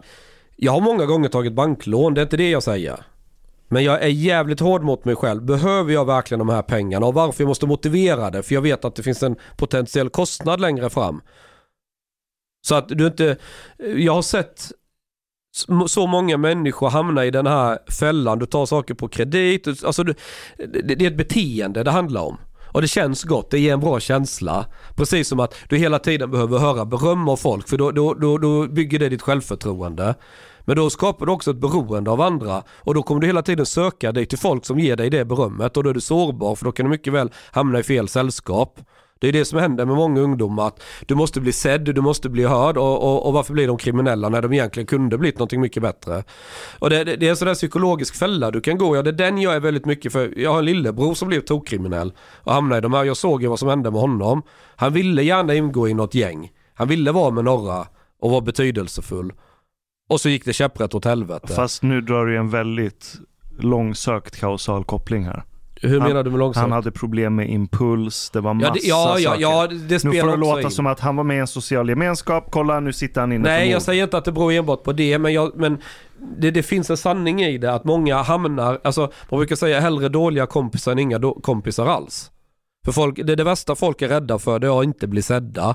Att vara liksom eh, nobody, att ingen bryr sig om en. Och då är du hellre fruktad än, än eller så här, helst vill man vara älskad, kan man inte bli det så vill man vara fruktad. Men det värsta av allt är om ingen bryr sig om en. Om man säger, ja det, det finns ju någon sanning i det där psykologiskt. Och jag har väl haft en taktik där jag, hur ska jag säga? Jag får ju jättemycket uppmärksamhet och folk skriver dagligen om mig och hej och hå och allting. Det, menar, det saknas ju ingenting av den varan. Men det har jag liksom skapat utan att behöva ingå i ett visst gäng. Jag har aldrig liksom varit 100% med Gästi och Tjenis Malla hela tiden eller varit i något annat sammanhang eller gäng eller så. Utan jag har alltid liksom en egen, min egen privata sfär och där, där trycker jag inte in en massa andra folk och blandar in utan det är min stabila där jag står. Och har jag inte den, då, då, då, då faller saker liksom. Men det beror väl på att du till syvende och sist litar mest på dig själv Ja. och inte så mycket på andra. Ja, ja men så är det. Men den här resan du gjorde Petter, från att ha varit stängd och aldrig vågat visa sårbarhet till att du börjat öppna upp dig. Eh, Var du på någon speciell plats i livet? Var det någonting som triggade igång det här? Eller kom det bara av sig självt? Nej, men det hade väl med en separation att göra och sen eh, eh, och då höll jag ju höll det helt inom mig själv allt det som man upplever eh, under en sån process. Men sen efter så eh, var det nödvändigt att liksom börja prata om vissa saker och vi gick i parterapi för att liksom vi, vi är ju goda vänner och det har inte varit några sådana problem men, men eh, man måste ändå ta upp vissa saker, lägga upp det på bordet, kunna prata och i samband med det så är det väldigt mycket som kommer fram. Och sen så har det liksom öppnat eh, luckor där jag eh, liksom har vant mig att prata om känslor. Eh, eh det, fanns ju, alltså jag hade aldrig kunnat tänka mig att gå till någon terapeut överhuvudtaget. Jag, jag, skulle, jag har fortfarande lite svårt för det men ehm, jag, jag vill liksom inte lägga eller fläka ut mig i någon annans knä på det sättet. Men det var nödvändigt då. Sen har jag liksom vant mig och, och jag pratar mer om vad jag känner och där idag. Men jag menar, jag var jävligt tilltäppt innan. Berätta inte för någon hur jag kände och mådde. Jag var ju lite som det du Mm. förklarar. Och jag tror det är just parrelationer, där är man nog som mest sårbar. Speciellt om det tar slut. Och så det har ju med varit med om att oj helvete man kan ju inte hantera det. Man mår ju skit i fan. Det tar ju en evighet att komma över och komma på fötter och allt vad det är. Och man är ju ett jävla CP under tiden. Man tänker ju inte rationellt eller någonting. Så det är ju en sån där grej att man är, man är ju väldigt försiktig med vem man släpper nära in på livet om man säger. Ja, Men det är väl andra, jag, jag tror andra sidan det är en bra sak. Att man tar det rätt hårt. För mig, jag stör mig, min morsa, liksom innan jag fyllt 15 har de skilt sig tre gånger. Och varje sån här grej så är det eh, väldigt otryggt kan man ju minst sagt säga hemma. Och det är liv och det är bråk och det... du blev kvar hos din mamma då? ja tyvärr. Det var nya män Ja men jag, ja exakt exakt. Och sen när jag var 16 så började jag bo själv. Och det var väl det bästa som kunde hända. Men, men... Eh, och om, om det är någonting som jag alltid har tänkt. Det är att om jag skaffar unga med någon. Då ska man fan i det se till att hålla ihop. Så långt det bara går och göra allt man kan för att se till. För jag vet ju då var unga när det bara blir så här totala kaoset och jag vill inte utsätta någon annan för det. Och det skrämmer mig lite i Sverige att man tar så lätt på det där. Man blir ihop med någon, skaffar en unge och sen, jaha nej nu var inte det roligt, nu, nu hittar jag någon annan partner och hej och hå. Där är jag väldigt konservativ. Jag- säger, jag, det är inte så att jag vill tvinga på andra att leva så. Men jag är väldigt konservativ mot mig själv liksom att, ja. Men kan inte en separation ibland vara det som får slut på kaoset? Jo, alltså hamnar man i en situation där det är helt uppenbart att det inte funkar och det är klart att det inte går, då har man ju inget val. Ja, det, det, det, det köper jag, det, det, det gör jag med. Eh, problemet där som jag sa med min morsa, det var ju att hon hade väldigt lätt att bara ta någon ny kar och, och tycka att nu ska allting bli, utan att tänka. Utan liksom, du vet, man, man, man är så kär i känslan av förälskelse att man, man, man liksom, det är lite tonårs över och, och, och det, det är väl min analys av morsan, det är att hon har fastnat någonstans i tonåren. Hon har liksom aldrig blivit riktigt vuxen och, och hamnat där. Eh, och, och det går ju ut över andra. Någonstans. Ja. Nej, men jag är också konservativ i mångt och mycket. Men, och särskilt när det gäller sånt. Och jag, jag tror att man måste, nu låter det som ett relationsprogram det här. Men, men man måste liksom eh, verkligen, eh, hittar man någon som man vill leva med så ska man eh, vårda det förhållandet också. Och det är jätteviktigt att inte hamna i någon jargong eller tappa respekten för varandra eller sådär. Utan man, man får ju liksom jobba på det. För mig Eh, var det ju tvärtom egentligen. Det var ju väldigt konstigt för jag, jag kände ju inte henne. Och så vi bara träffats kanske 8-10 gånger. Och sen skriver hon på Facebook vi måste prata. Så tänkte jag, vad fan vill hon göra slut? Jag visste inte vi var ihop. och, och, och, Hans försvarsmekanism är ja, bland det bästa. och, och, och när jag då träffar henne då tänker jag vad är det nu som är så jävla drama liksom. Hallå vi har träffats några gånger och hängt lite och sådär men det är väl ingen stor deal. Nej då är hon gravid. Och jag är ju i princip mot abort. Så jag bara oj då. Jaha, ja nu får vi börja hantera det här då ju. Ja, ja så fick vi ju den här ungen då ju. Så vi fick ju lära känna varandra på resans gång ju. Och försöka lösa det här och sen skaffade vi en unge till när vi ändå var på det. Och sen med tiden så har vi liksom börjat bättre och bättre få saker att funka och hej och hå och ja men liksom vi har gjort det tvärtom. Mm. Hon sko- skojade om det att vi var ute på någon restaurang för något tag sedan och det är första gången vi är ute och dejtar. Så det var liksom, Efter tio år. ja. Vi ska prata om någonting annat, reportaget i Uppdrag granskning. Ja, Eh, vill du berätta lite grann mer om den? Eh, ja, det, det senaste reportaget jag gjorde eh, heter Där mördare går fria och eh, det, det handlar ju om varför så många av de här gärningsmännen som ligger bakom dödsskjutningarna eh, går fria. Man, man kommer åt en bråkdel av dem. Det finns ju en uppklarningsprocent på ungefär ja, 25% av alla dödsskjutningar som man klarar upp och med det menas att någon eh, gärningsman blir eh, fälld för, det kan vara medhjälp eller att man faktiskt har utfört det. Eh, men det kan ju vara ett helt gäng bakom, det kan vara eh, fyra, fem personer så blir en fälld så räknar man det som uppklarat och där är det alltså bara var fjärde fall. Mm. Om man jämför det här med vanliga mord om man säger, hur stor eh, uppklarningsprocent på det? Ja, betydligt högre. Betydligt högre. Där ligger det över 80%. Mm. Så att eh, det är ju, det är samtidigt som dödsskjutningarna fullständigt har liksom raka till höjden här i Sverige. Vi går emot eh, trenden i resten av Europa kan man säga. Vi sticker verkligen ut. Eh, hittills i år är det väl nästan 50 dödsskjutningar och sånt där tror jag. Eh, så klarar vi upp väldigt få. Och det var det som, som jag ville liksom ta reda på. Hur kan det komma sig? Mm. Och det, tidigare har ju fokuserats väldigt mycket på polisen, eh, har polisen tillräckligt med resurser? Eh, men du har en annan vinkel i det här reportaget. Ja, det, jag var väldigt öppen från början för att det är klart att polisens resurser spelar roll. Hur många är det som utreder de här brotten och hur, det är bara det faktum att de har så mycket mer att utreda gör ju att det blir svårare.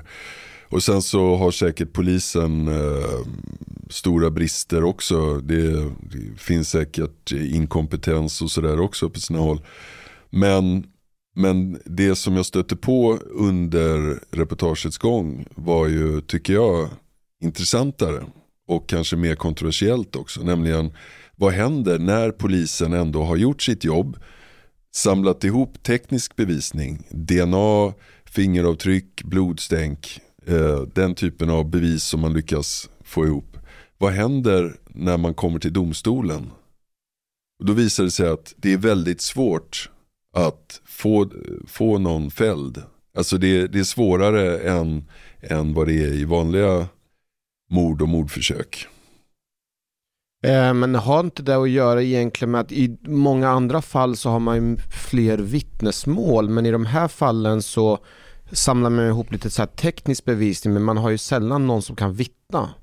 Ja, det är sant, det spelar ju in va. Men, men om man utgår från de som blir åtalade, där ska ju åklagaren tro på en fällande dom. Man ska Mm. utgå från att det, det här ska resultera i en fällande dom, annars ska man inte väcka åtal. Nej. Och då är det en, en väldigt stor skillnad och då ska det inte spela någon roll så säga, eh, om, det, om bevisningen består av vittnesmål eller om det är teknisk bevisning. Eh, men det är helt sant att det har ju blivit mycket svårare, bland annat beroende på tystnadskultur och så. Det är sant. Plus att eh, morden har ju förändrats. Den, den här typen av dödsskjutningar, den, de äger ju rum i, ofta utomhus i allmänna miljöer. Du har ingen kanske direkt relation till offret. Gärningsmannen har ingen direkt relation. Medan på, säg 90-talet eller det här klassiska mordet är ju kanske i en lägenhet där du vet vilka det är som har varit. Det är blodspår på golvet och en blodig kniv och sådär.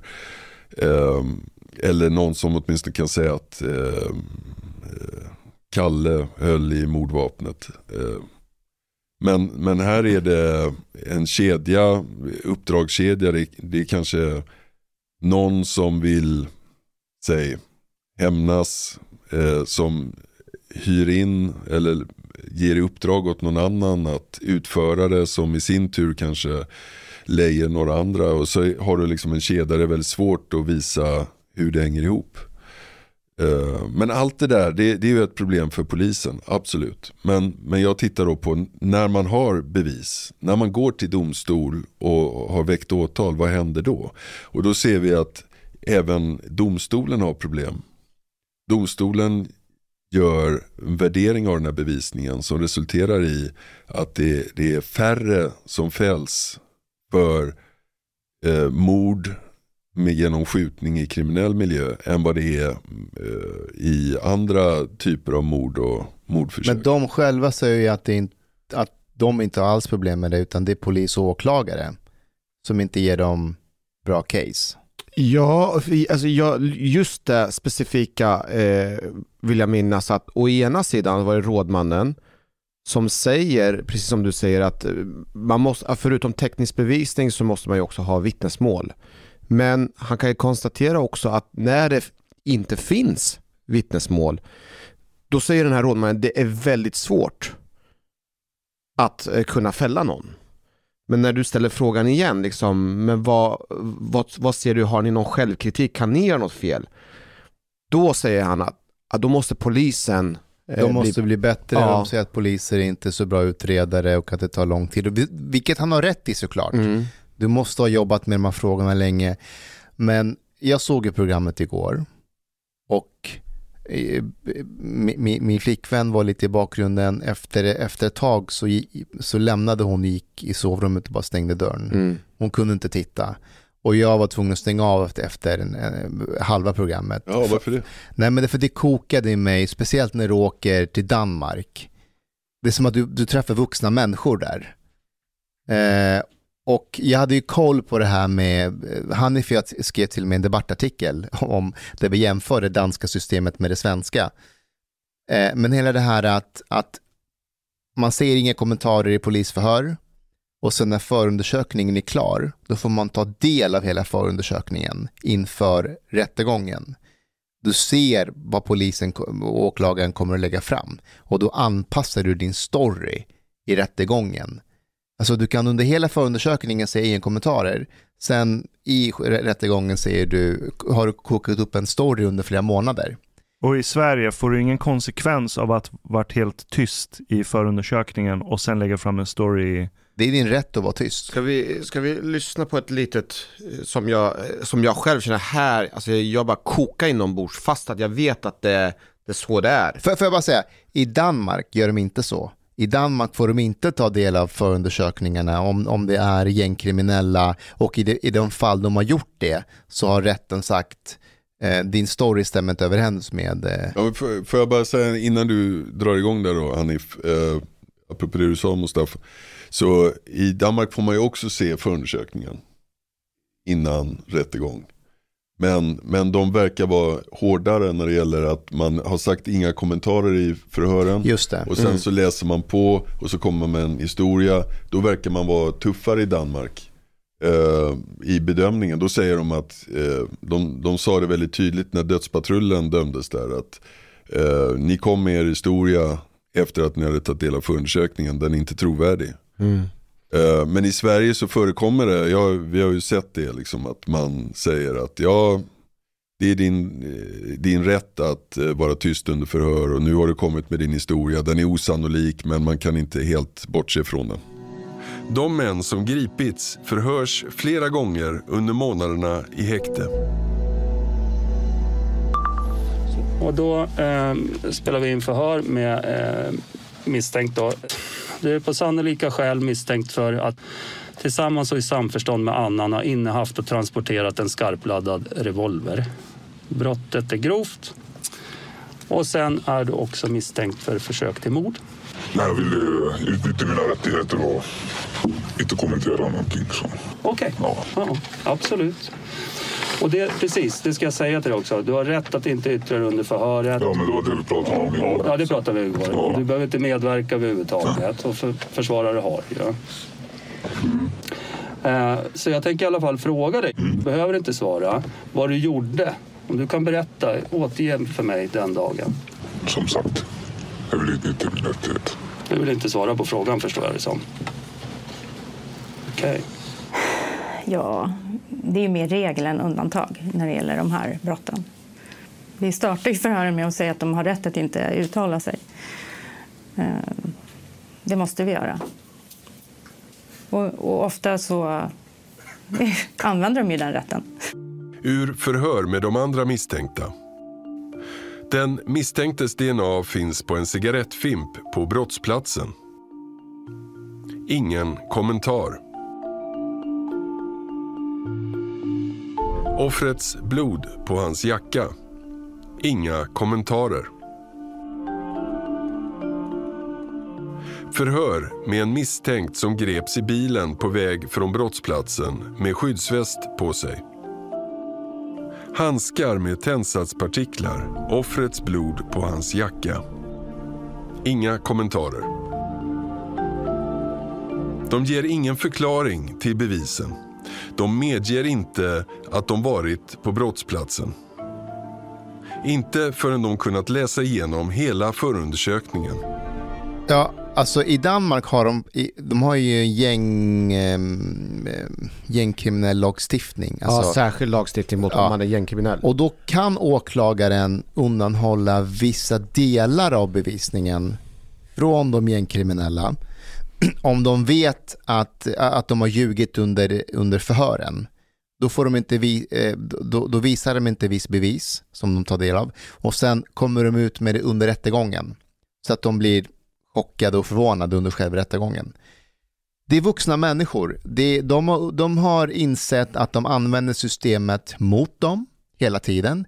För det var ju det de här snubbarna från Sverige gjorde i Danmark. När de sköt eh, några i en bil. De, de var ju skit, de var ju väldigt lugna och var så här, vi ska få ta, ta del av hela undersökningen och sen ska vi komma på en story. Men så blev ju inte det riktigt. Och de eh, de var 16-åringar som fick livstid. Eh, Och rätt om jag har fel, men i det här ärendet så tar ju inte rådmannen så mycket beaktning just kring vad de säger. De säger att det här är inte sannolikt. De lägger ju ingen vikt i det. Men de säger att de kan absolut inte eh, utesluta att något av det här skulle kunna ha hänt. Ja men precis, det, var, det som är eh, särskilt slående det är ju ett fall som jag går in i där, som vi hörde här va, där, där en person har sitt DNA på revolverns kolv.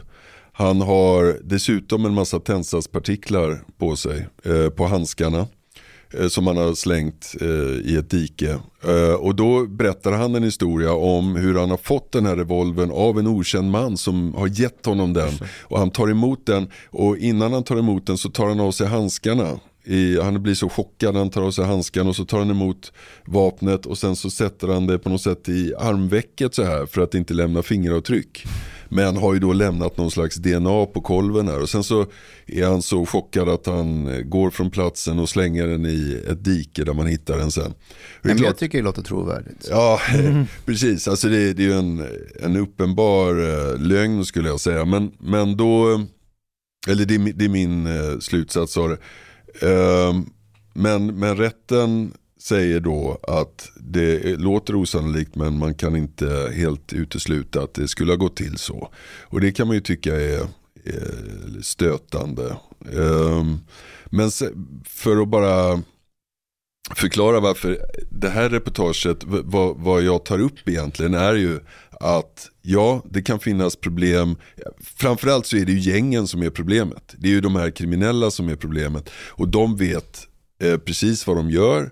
Det, de, eh, det finns många av dem som är, är smarta, medvetna, de läser förundersökningar. Eh, alltså de, man kan lära sig av förundersökningar. Det är ju som, som instruktionsböcker. Och de har en massa knep för att liksom eh, komma undan. Och, eh, så de är ju grundproblemet. Och sen så har säkert polisen problem. Men det här reportaget handlar om den här uppförsbacken som utredarna har. När de väl, som i det här fallet, har, tatt, eh, de har fått tag i misstänkta som de börjar utreda. De har ganska bra med teknisk bevisning. De tycker själva att det här, det här är ganska bra bevisning vi har. Och då är det en uppförsbacke anser de eh, hur rättssystemet fungerar och bevisvärderingen. Och det, det är vad programmet handlar om. Och eh, det, jag måste säga att det är den kriminalitet vi har idag med de här dödsskjutningarna och de här gängen. Det sätter ju rättssystemet på prov. För att vi har ett rättssystem som är anpassat efter en, en situation som vi inte längre har i det här landet. Det är, det är liksom inte en pundare i en bil som man tar eh, och eh, som har ett förhållande till polisen där man kanske berättar en hel del och polisen vet precis vem den här killen är och, och sådär. Utan det här är liksom på en annan nivå. Och då tycker jag mitt reportage visar att, att rättssystemet är inte riktigt anpassat till de här oerhört mycket mer drivna, hårdföra eh, kriminella. Och då, då måste man kunna diskutera, ja rättssäkerheten ska man inte tumma på. Men det finns ju en baksida av det, det är ju strafffrihet. Vad gör man när just mördarna går fria? När, när man bara lyckas klara upp en fjärdedel av alla dödsskjutningar. När, när de här som har så uppenbart varit inblandade går fria i området. Va, vad händer då?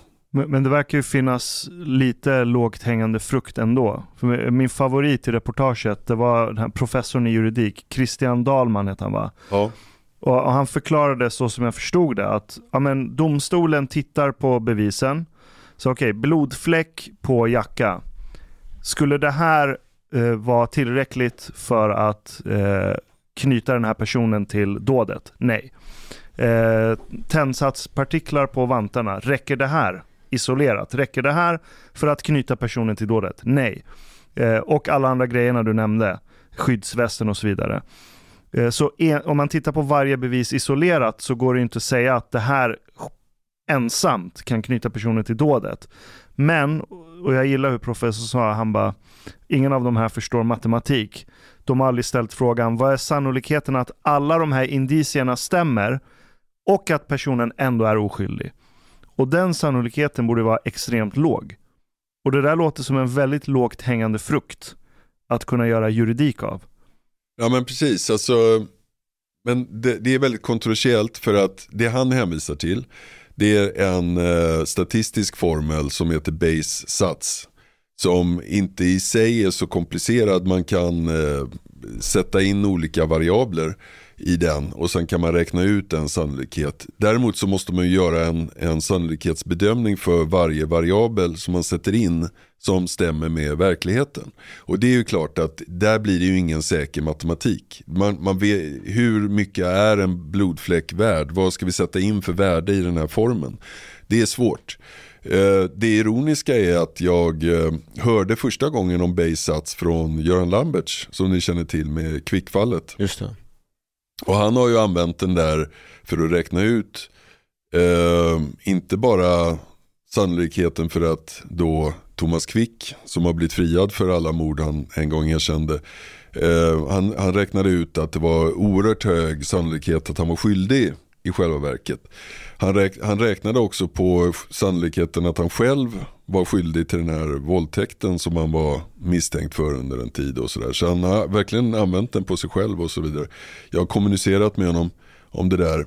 Och eh, där visar det ju sig svagheten i att försöka göra matematik av det. Nämligen att det beror ju på vilka värden du stoppar in. Om Göran Lambert stoppar in värden i den här formen som inte stämmer så får han ju i slutändan helt andra värden än vad man skulle få fram så att säga. Men med det sagt, mm. med det sagt, om man gör en rimlig bedömning, om man gör liksom en uppskattning som är, stämmer med, hyfsat med verkligheten, då får man ut en, en sannolikhet som så att säga åtminstone är mer grundad. Du, du har liksom ett matematiskt resonemang bakom som blir logiskt.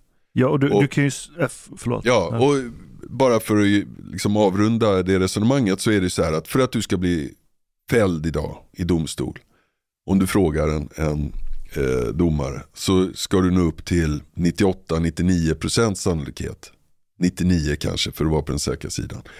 Du behöver inte vara 100% säker men det ska vara upp till 98-99. Ja men hur kommer du fram till det då? Ja men jag tittar på bevisningen säger domaren. Men hur gör du det? Hur lägger du ihop den? Ja men man får väl försöka lägga ihop den och liksom göra en värdering eh, ute erfarenhet och sådär. Ja men hur gör du det? Hur kan du sätta en sån exakt siffra? Ja, eh, någon exakt siffra, men, men du säger ju 98-99%. Så att man kommer inte runt det. Att de sätter själva en siffra på det. Och då måste man ju ändå försöka att eh, göra matematik av det för att komma fram till den siffran.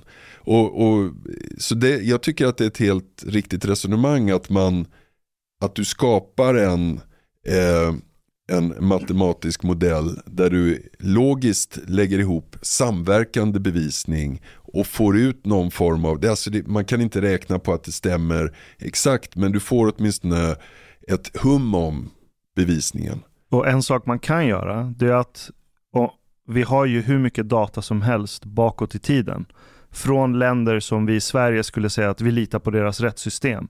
Så om du tar ja men, alla mord i den kategorin som har skett i Sverige, Danmark, Norge, Kanada, Tyskland, Frankrike, Storbritannien och så plockar du ut de mål där det är bortom rimligt tvivel att de här personerna var skyldiga som faktiskt dömdes.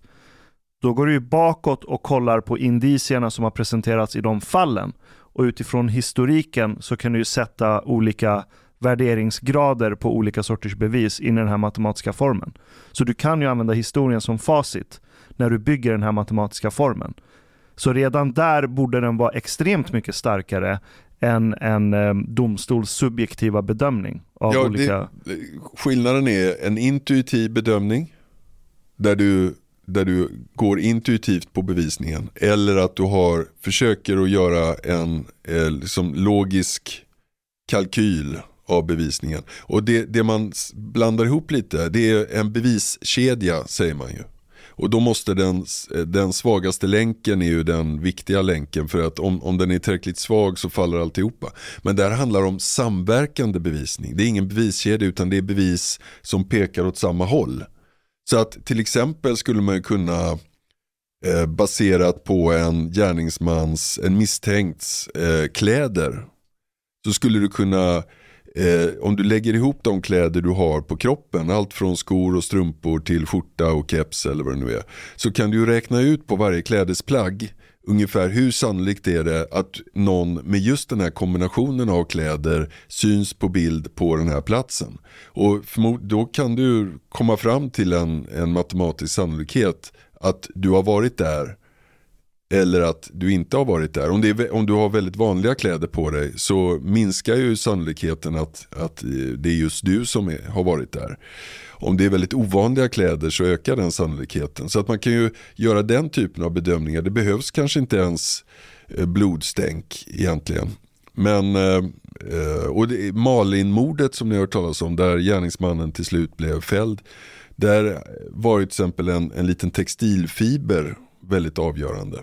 Förutom att man sen också kunde då ta vara på gärningsmannens DNA och visa att det var han. Så, så var ändå den här textilfibern så ovanlig att man kunde säga att sannolikheten för att han faktiskt var gärningsman var så hög. Att det är ju, då bland annat den här Christian Dahlman anser att han borde ha blivit fälld redan i, i hovrätten. Mm. Men, men det jag tar med mig är att det är näst intill omöjligt att kunna döma någon om du inte har vittnesmål. För annars så blir allt annat indicier.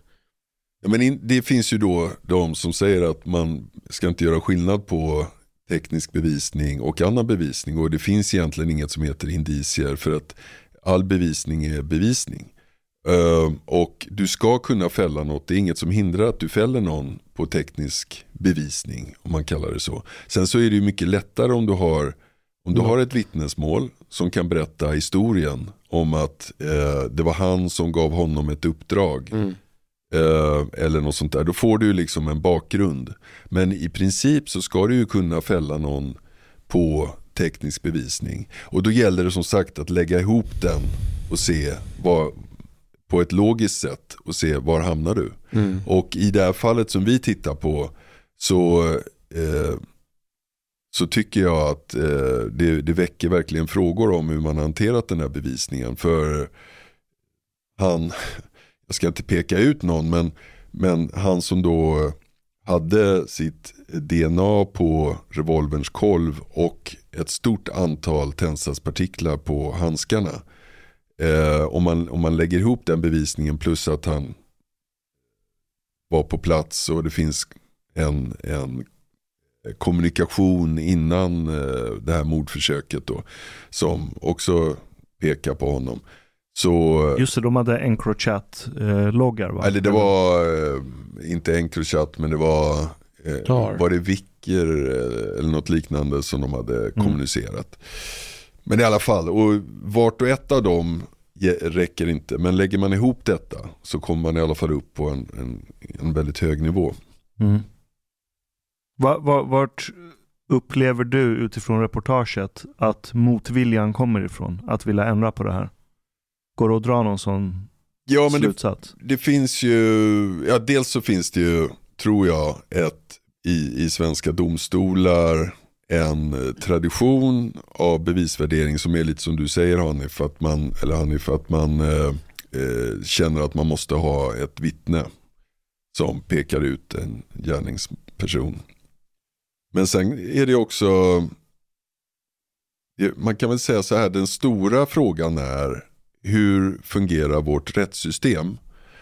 Och som sagt, jag, jag tycker ju inte att man ska rucka på rättssäkerheten naturligtvis. Men man kan ju fundera på det här förhållandet mellan effektivitet å ena sidan och rättssäkerhet å andra sidan. Om man inte lyckas fånga de värsta mördarna vi har.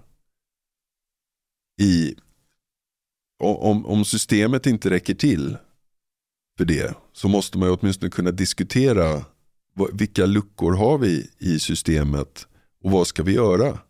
Men är inte förslaget, till exempel just den här omedelbarhetsprincipen, den är väl på gång på remiss att man ska ändra det?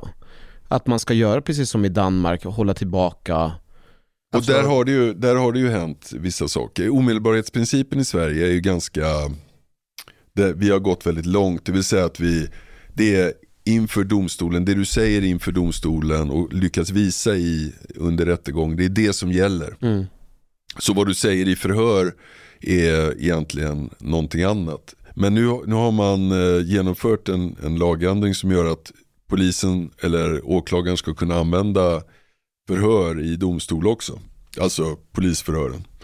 Eh, men eh, det är ju ingen som jag har pratat med som tror att, att det kommer egentligen förändra det här som vi var inne på med att man säger inga kommentarer och så vidare. För att man kommer inte vilja, det finns inget intresse hos de här gärningspersonerna att, att prata i förhören. De har upptäckt att det är bättre att säga inga kommentarer. För det ställer till det för utredarna. Om man säger inga kommentarer så har inte de någonting att kolla upp. Om du säger så här, nej men eh, jag var hos eh, honom den kvällen. Ja men då kan polisen kolla det. Men om du säger inga kommentarer och sen blir det rättegång. Eh, så kan, då har det gått tre, fyra månader och det är väldigt svårt att kolla upp de här uppgifterna. Att tala i silver, tiga i guld. Så har det ju blivit tyvärr. Men det blir ju, innebär ju också i, i slutändan att när, man, när det är själva rättegången, vad än man kommer kunna säga därefter måste ju värderas som till noll. Så, alltså, hänger du med? Att det är ju vad den värderingen, om man säger tre månader senare att ja, men jag var faktiskt hos min kompis eh, Ashkan. Det blir ju värderat noll, vi tror inte på dig. Vi tror inte på någonting för att annars hade jag kunnat sagt det vid själva första tillfället. Om, menar... om du har haft en, en situation där du har en förklaringsbörda. Där det är, du i princip eh, har, där, där det har varit så relevant för dig att förklara dig. Att, att du anses ha en förklaringsbörda. Och så säger du, förklarar du dig först inför domstolen. Då kan det ju vara så att domstolen säger att, nej tyvärr, du har ingen trovärdighet. Du mm. hade kunnat förklara dig under förhören. Nu kommer din förklaring nu istället. Den har inget värde. Men det är ju inte alltid att, att man hamnar där. Eh, det är inte alltid att, eh, att det blir eh, så att säga, domstolens slutsats. Utan precis som i det här fallet så, så förekommer det att man också pekar på att du har ju rätt att vara tyst och säga inga kommentarer. Och du har rätt att ge din version inför domstolen. Och då ska den versionen gälla. En grej jag undrar. Eh, du, du, du intervjuade ju en för detta gängkriminell i reportaget som var anonym och rösten var förvrängd och så här. Och du kanske inte får svara på det här, jag vet inte, men hur, hur får, ni, hur får du kontakt med en sån här person? Jag trodde du skulle säga, vem var han? Aha, nej. nej men det kan jag inte gå in på riktigt nu. Okay. Eh, av hänsyn till just det. Ja, jag förstår. Men det är väl inte långsökt att man är ute och pratar lite allmänt. Men du, känner du till någon som, ja men jag känner någon, skulle någon kunna tänka sig ställa upp anonymt? Att man känner någon som känner någon som känner någon? Jo, okej, okay. jag, jag, kan i mitt huvud få upp någon bild av hur du kanske får tag på ett telefonnummer du kan ringa. Men att sen du bearbetar den här personen och får den att ställa upp. Mm. Det, den aspekten som är så jävla fascinerande för mig. Tror du inte att det finns en, alltså det finns en lust hos väldigt många människor att vilja berätta om saker och ting. Ah. Om, om det finns mm. en som ställer frågan så är många väldigt beredda att ställa upp. Och, eller har jag fel? Jag tror att du har fel för att i den världen så är det sista man vill att eh, prata med poliser och prata med journalister. Det sista man vill bli är att bli upptäckt att man har pratat med någon. Man har ändå ett behov av att prata och framförallt vad man har gjort. Ja, det, det har du i och för sig rätt i. Att jag, jag tror att ni får in en del uppgifter från, från eh, personer i den, alltså kriminella personer. Mm. Där man inte vill eh, att det ska bli känt att Just man har pratat. Jag tror att det var Det så det efter det här otäcka eh, Ad. Ad, Adriana tänker jag på. Eh, Som, hette hon inte så som blev skjuten? Jo. Jo. 12-åringen. 12-åriga tjejen. Och då, jag tror att det kom in en massa tips till polisen, även från de här kriminella kretsarna då. Mm. Jag tror att det finns flera eh, ärenden som vi har, folk har blivit lagförda där de på, rätt, på den andra sidan har själva släppt till oss på ett eller annat sätt för att um, det, det, det har gått så snett. Men, men alltså jag tror att det är en, eh, en kultur där, där man, man pratar inte med myndigheter, man pratar inte med journalister. Eh, om, och det här med att gola, det har ju liksom blivit, jag menar, det är ju alla möjliga tonåringar använder ju det uttrycket. Eh, mina barn tyvärr eh, snackar om, lite skämtsamt i och för sig, va? men det har ju smugit sig in där också, att allt är att gola. En gång i tiden så var det här med att gola, det var ju när man satte, satte eh, dit en eh, eh, målkamrat, det vill säga någon som som också var misstänkt och så tjallade man helt enkelt. Så ja men det var han som hade gjort det. Men nu, nu är ju liksom det här med att gola, det är ju en butiksägare som pratar med polisen om att man har haft inbrott. Mm. Det kan ju betraktas som att gola. Mhm. Och, eh, så att det har ju skett en enorm utveckling. Och jag har hört av poliser att nu, nu för tiden, även liksom små Eh, liksom, eh, skitungar snackar om att de inte ska gola. Alltså det här går så långt tillbaka i, i det här är direkt importerat från USA. Jag, jag, jag såg en eh, intervju med eh, eh Anderson Cooper på CNN. Han intervjuade en rappare, alltså det här är 2003 eller 2004. Och han, den här rapparen var väldigt stor i förorterna och han pratade om att, och han, i hans låtar så var det så här, om du blir klarare i orten, eh, gola inte, håll din mun stängd och mind your own business liksom. Det var genomgående temat.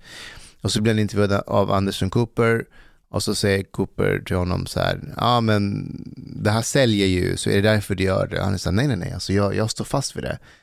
Och då frågar Anderson Cooper, men vad, vad går gränsen? N- när får man prata med polisen? Aldrig. Och så, och, och så frågar Cooper honom, men, men säg att du har en granne som du vet är en seriemördare som bor granne med dig. Kommer du ringa polisen för att säga, jag, jag misstänker att min granne är seriemördare? Nej. Men vad, vad kommer du göra då? Ah, jag flyttar därifrån. Jag har inget med polisen att göra. Så att du vet, det var inte bara din cool grej, utan man höll fast vid det. Alltså om, om, om din granne är seriemördare, du vill inte vara en golare. Även om den riskerar att döda dina alla, alla andra grannar, nej, utan flytta därifrån. Så det här är direkt importerat från USA. Vi har en gettokultur i våra förorter där man tror att man bor i Harlem eller Detroit eller de här områdena. Och det gör man i många fall inte om man kollar på hur fint det faktiskt är i många av de här områdena. Men om jag får utmana Men det där. kulturmässigt, Om jag får Snitches utmana det där. stitches. I våra kulturer, om man är från Iran, där pratar man inte heller med polisen. Men det är för att polisen kommer, du riskerar själv att få skit av polisen. Det är polisen du är rädd för. Jo, Iran. dels det, men finns det inte också inneboende att man, in, man ska behålla saker och ting för sig själv. Man ska inte säga saker och ting till andra. Man ska inte, även om det inte behöver vara att ska säga, även om det kan vara saker och ting som inte det innebär direkt att det blir konsekvenser från polisen så ska du inte, du ska inte blanda in andra. Utom, utomstående, du, extra, det här är interna angelägenheten, blanda inte in andra. Nej, jag tror iranier i Sverige har ganska högt förtroende Nej, för men- polisen. Nej nej nej, nej men om ett, ö, i Iran, I Iran? men, men Aha. jag skulle säga så här, även om du är en iranier i Sverige, om vi ska se det på ett spektra av nyanser mellan skillnad mellan en svenska värderingar, att du till och med anger dina barn eh, för diverse olika grejer för att du har en total lojalitet mot staten så är det ju ändå inte så om man är från våra länder att man har den lojaliteten mot staten. Nej, det stämmer. Nej, så att det är ju det jag undrade, är det bara direkt importerat från USA eller är det också en mix från Mellanösternkulturen där man inte blandar in andra, man pratar inte med polisen, även om det inte rör en själv direkt så, så, så angår inte staten. Fast, fast då är frågan, gäller det också de invandrare som är etablerade i svenska samhället? Ja menar jag, till Ja, men viss du, grad. Vänta, om du får inbrott hemma hos dig, eller inbrott hos grannen, du pratar ju med polisen. Ja, för att du är tvungen. För att du må, om du får inbrott hos dig så måste du eh, prata med polisen för att det är kopplat till försäkringen. Men det skulle kunna vara en händelse att du blir utsatt för någon typ av brott där du blir utsatt.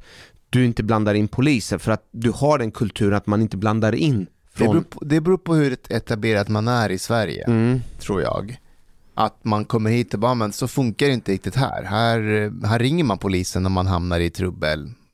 Medan i förorterna är verkligen nej, du ska inte ha någonting med polisen att göra. Och det menar jag är direkt importerat från, alltså man, man är, man, man har ju mer kultur på amerikansk, man har mer koll på amerikansk gettokultur än Mm. man har på Somal, hur det funkar i en by i Somalia. Det är inte så att man säger så här, vi pratar inte med polisen därför att eh, eh, den byn min pappa kommer ifrån i Somalia. Nej, inte riktigt så, men om det är så att man kommer från, låt säga Grekland, Turkiet, där man har redan en inövad kultur att man inte blandar in staten. Okej. Så vänta, så kommer man, eh, alltså, i samband med att man kommer in till Sverige, så kommer man anamma den kulturen. Man kommer skifta den, så att man kommer bli mer och mer vänlig med tiden. Men den kulturella grejen som du har hemifrån, den påverkar, den tar du med dig Men är den. inte vuxnas förtroende i förorten för polisen väldigt hög? Jo, Så det går ju emot hela alltså din nej men kolla han nej, är, det han är två, nej, rätt. det, är två, det kan vara två separata grejer. Han är för rätt i det avseendet att om, om, om, om det uppstår problem inom familjen och släkten, då ringer man inte polisen. Då säger vi löser det här själva. Mm. Men om det är någon utifrån som, vad vet jag, snor dina grejer eller slår dig på käften eller på något annat sätt besvärar dig, då ringer man ju polisen på ett annat sätt.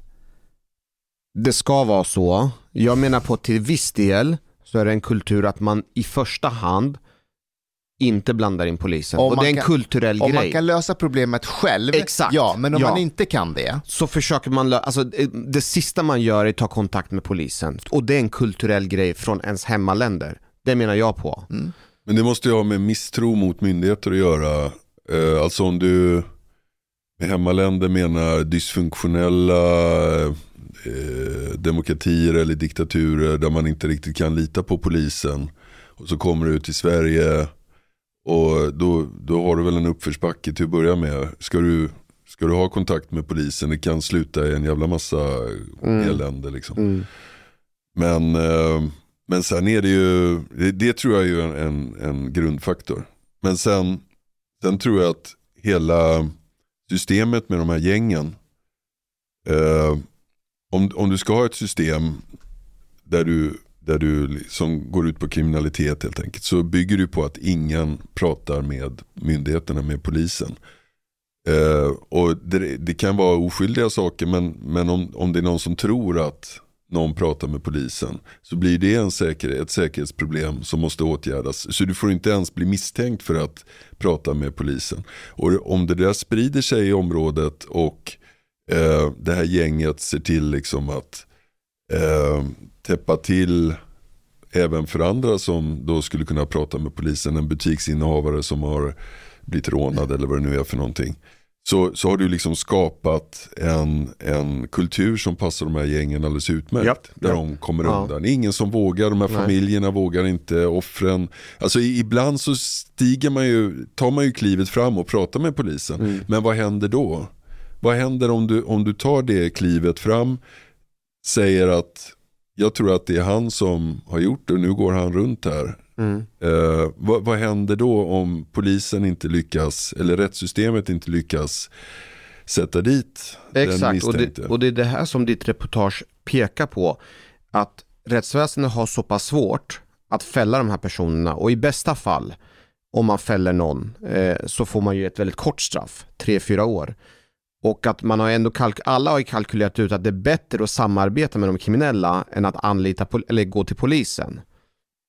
Ja, vad skulle man själv göra om man bodde i eh, ett, om, ett utsatt område där de här gängen faktiskt har ett stort inflytande. Där du ser de här grabbarna eh, dagligen. Mm. Eh, vad skulle man själv göra om ens barn blev rånat till exempel?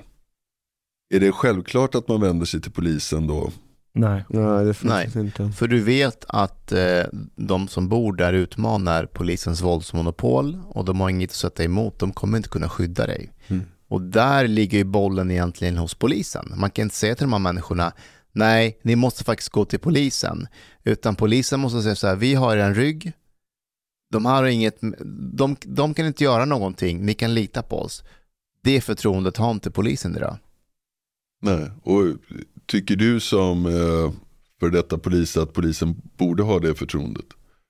Eh, de borde göra allt vad de kan för att få tillbaka det förtroendet. Och hur gör man det då? ut idag. Ja, då, eh, då är det ju att gå in och äga territoriet. Och hur gör man det då? Genom 10 000 fler poliser. Nej, men eh, till exempel eh, att Petters eh, program som någon som människor i förorterna ser att vänta nu, det är ingen kedja som verkar fungera. Varken polisen, åklagarna eh, och, och, och domstolarna verkar få människor fällda. Mm. Det, det skadar ju förtroendet. Men alltså, om, alltså hela principen, vi ska ju kunna försöka fälla även med teknisk bevisning, men så som jag tolkar ändå någonstans i det hela, en fundamental pelare i rättsväsendet som jag har lärt mig när jag gick i, när jag gick i polishögskolan, det är att prata med polisen. Att kunna, att kunna, att, att ha ett vittnesförhör, det väger väldigt mycket. Det kommer inte polisen kunna göra på något, alltså polisen kan inte tvinga eh, personer i området att vittna. Polisen kan vara närvarande, visa, liksom, visa upp och försöka vara en trygg eh, punkt, vara, vara fysiskt närvarande så att ingen dödar någon. Men steget att vittna, det kan vi ju egentligen jobba med rent generellt sett i ett förebyggande syfte, genom att ge information och berätta om hur processen går och så vidare. Sen där tar ju våran möjlighet slut. Ja, jag behöver veta att om jag pratar med polisen så kommer personen polisen letar efter inte vara ett hot mot mig. Och det känner inte jag just nu. Nej, och polisen kan säga så här, ja men han ska inte vara ett hot för vi finns där utanför din ska dörr. spelar ingen roll för mig. Och det är det här, det är, man kan inte lämna en garant, man kan inte ge 100% i det här samhället Nej, så kan man inte kan ge, man- man, kan kan man inte ge- ge Den är 100%. inte ens över 50. Kan man ge idag. 90 procent? Nej, alltså, eh, pr- principen bygger på att den personen blir dömd och sitter, är lagförd och sitter länge. Exakt. Och att alla personer runt omkring en inte gör någonting. Det, det, det, som, sam, det som du behöver då, det är att, du kan, att någon följer dig 24-7. Nej, det är inte det jag är ute efter. Men däremot vet jag att personen som polisen är ute efter har inga incitament som trycker på honom att inte komma och mörda mig. Den personen har väldigt hög sannolikhet och riskfritt kunna komma och slakta mig. Och vadå, jag har barn, jag har saker att ta hand om, jag vill också leva ur en generell synpunkt utöver alla ansvarsområden och människor jag har runt omkring mig. Så Till den exempel- kalkylen är en no-brainer för mig. Till exempel om man har kontaktförbud gentemot någon. Och så säger personen, åh äntligen, tack för det här kontaktförbudet. Nu eh, kommer han inte kunna hem, trakassera mig. Men vad händer om han gör det? Om han dyker upp där jag bor? Ja, men då kommer vi ta honom. Vad händer med honom sen? Åker han in? Nej, men det blir ett ärende på att han har Mm. brutit mot kontaktförbudet.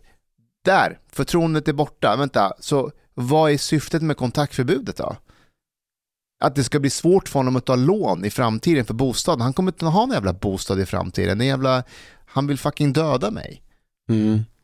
Det är väl, eh, nu har inte jag riktigt koll, men det är väl ändå fängelse i straffskalan och eh, böter också. Inte de första åtta gångerna. Nej, Va?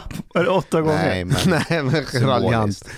Ja men det är ju så att vi måste, eh, det måste reformeras i grunden, men jag tror att även om polisen får väldigt mycket resurser så spelar det ingen roll. Nej, men det som Petters program visar, eh, det är en hel kedja som måste fungera. Mm. Och det är någonting Danmark har insett. Mm. Det, det måste ju bli konsekvenser. Eh, och eh, för att bryta den här tystnadskulturen så är det också en annan intressant mekanism. Nämligen att om du, har ett område där det är, är norm att inte tala med polisen så sticker du ut om du talar med polisen. För att göra en, en jämförelse med, ta Iran då. då eh, om, om man jämför med slöja där. Det är ju slöjtvång och det, har just, eh, det, det är väl ett fall nu där en, en kurdisk iranska har blivit dödad av deras eh, sedlighetspolis Ja. som det verkar. För att hon inte hade slöja. Men säg, då, är, då är man ju ensam, om man ensam inte har slöja och sticker ut och blir gripen av sedlighetspolisen. Det är ju en sak, då är man väldigt utsatt. Men säg att det är, är 100 000 kvinnor som inte har slöja på sig, vad ska de göra då? Mm. Ehm, om man på samma sätt jämför med tystnadskulturen, om det är en butiksägare som pratar med polisen, då, då är han utsatt och kan bli hotad. Men vad, vad händer om hela området börjar prata med polisen? Att man liksom får en, en kultur där det är självklart att prata med polisen. Mm. Då, då är man ju inte alls lika sårbar, då kommer de inte åt den. Nej, och det är där i det, det förebyggande arbetet som vi gör kommer till nytta, men framförallt med de här projekten Människan bakom uniformen och så. För vi försöker gå ut tidigt skede, informera. Ju fler som samarbetar, desto enklare blir det. Mm. Men precis som vi var inne på, om, om man ska våga göra det då, så måste man veta att det blir konsekvenser och man måste känna sig trygg efteråt. Och jag, ärligt talat, min erfarenhet av att ha talat med personer och, och tittat på olika fall och sådär. Eh, jag, jag kan förstå att det, det finns en oro. Och sen, eller att man inte vill eh, tala med polisen. Sen finns det de som är modiga och gör det ändå. Och säger det här är inte rätt det som sker. Och jag, jag är beredd att ta de konsekvenserna. Det är jävligt modiga människor. Hej podej, min vän. Lisna po mejnu. Du emiket fin menisza. Du harbeta lat biliet po klubzista moltit. En miket fin radioprogram i sferie. Tak ware dejso ardiet mojlikt for grabarna at trzopa kafe late ute potoriet. Betalar kningar. Szopa blut pudding til familien. Oka tunnelbana. Eller drika en kal norland z guld poute serviering. Ibland. Dit bidrak jor grabarna miket glada. Dit stot jorzista moltit mojlik, helt enkelt. Tak, minwen.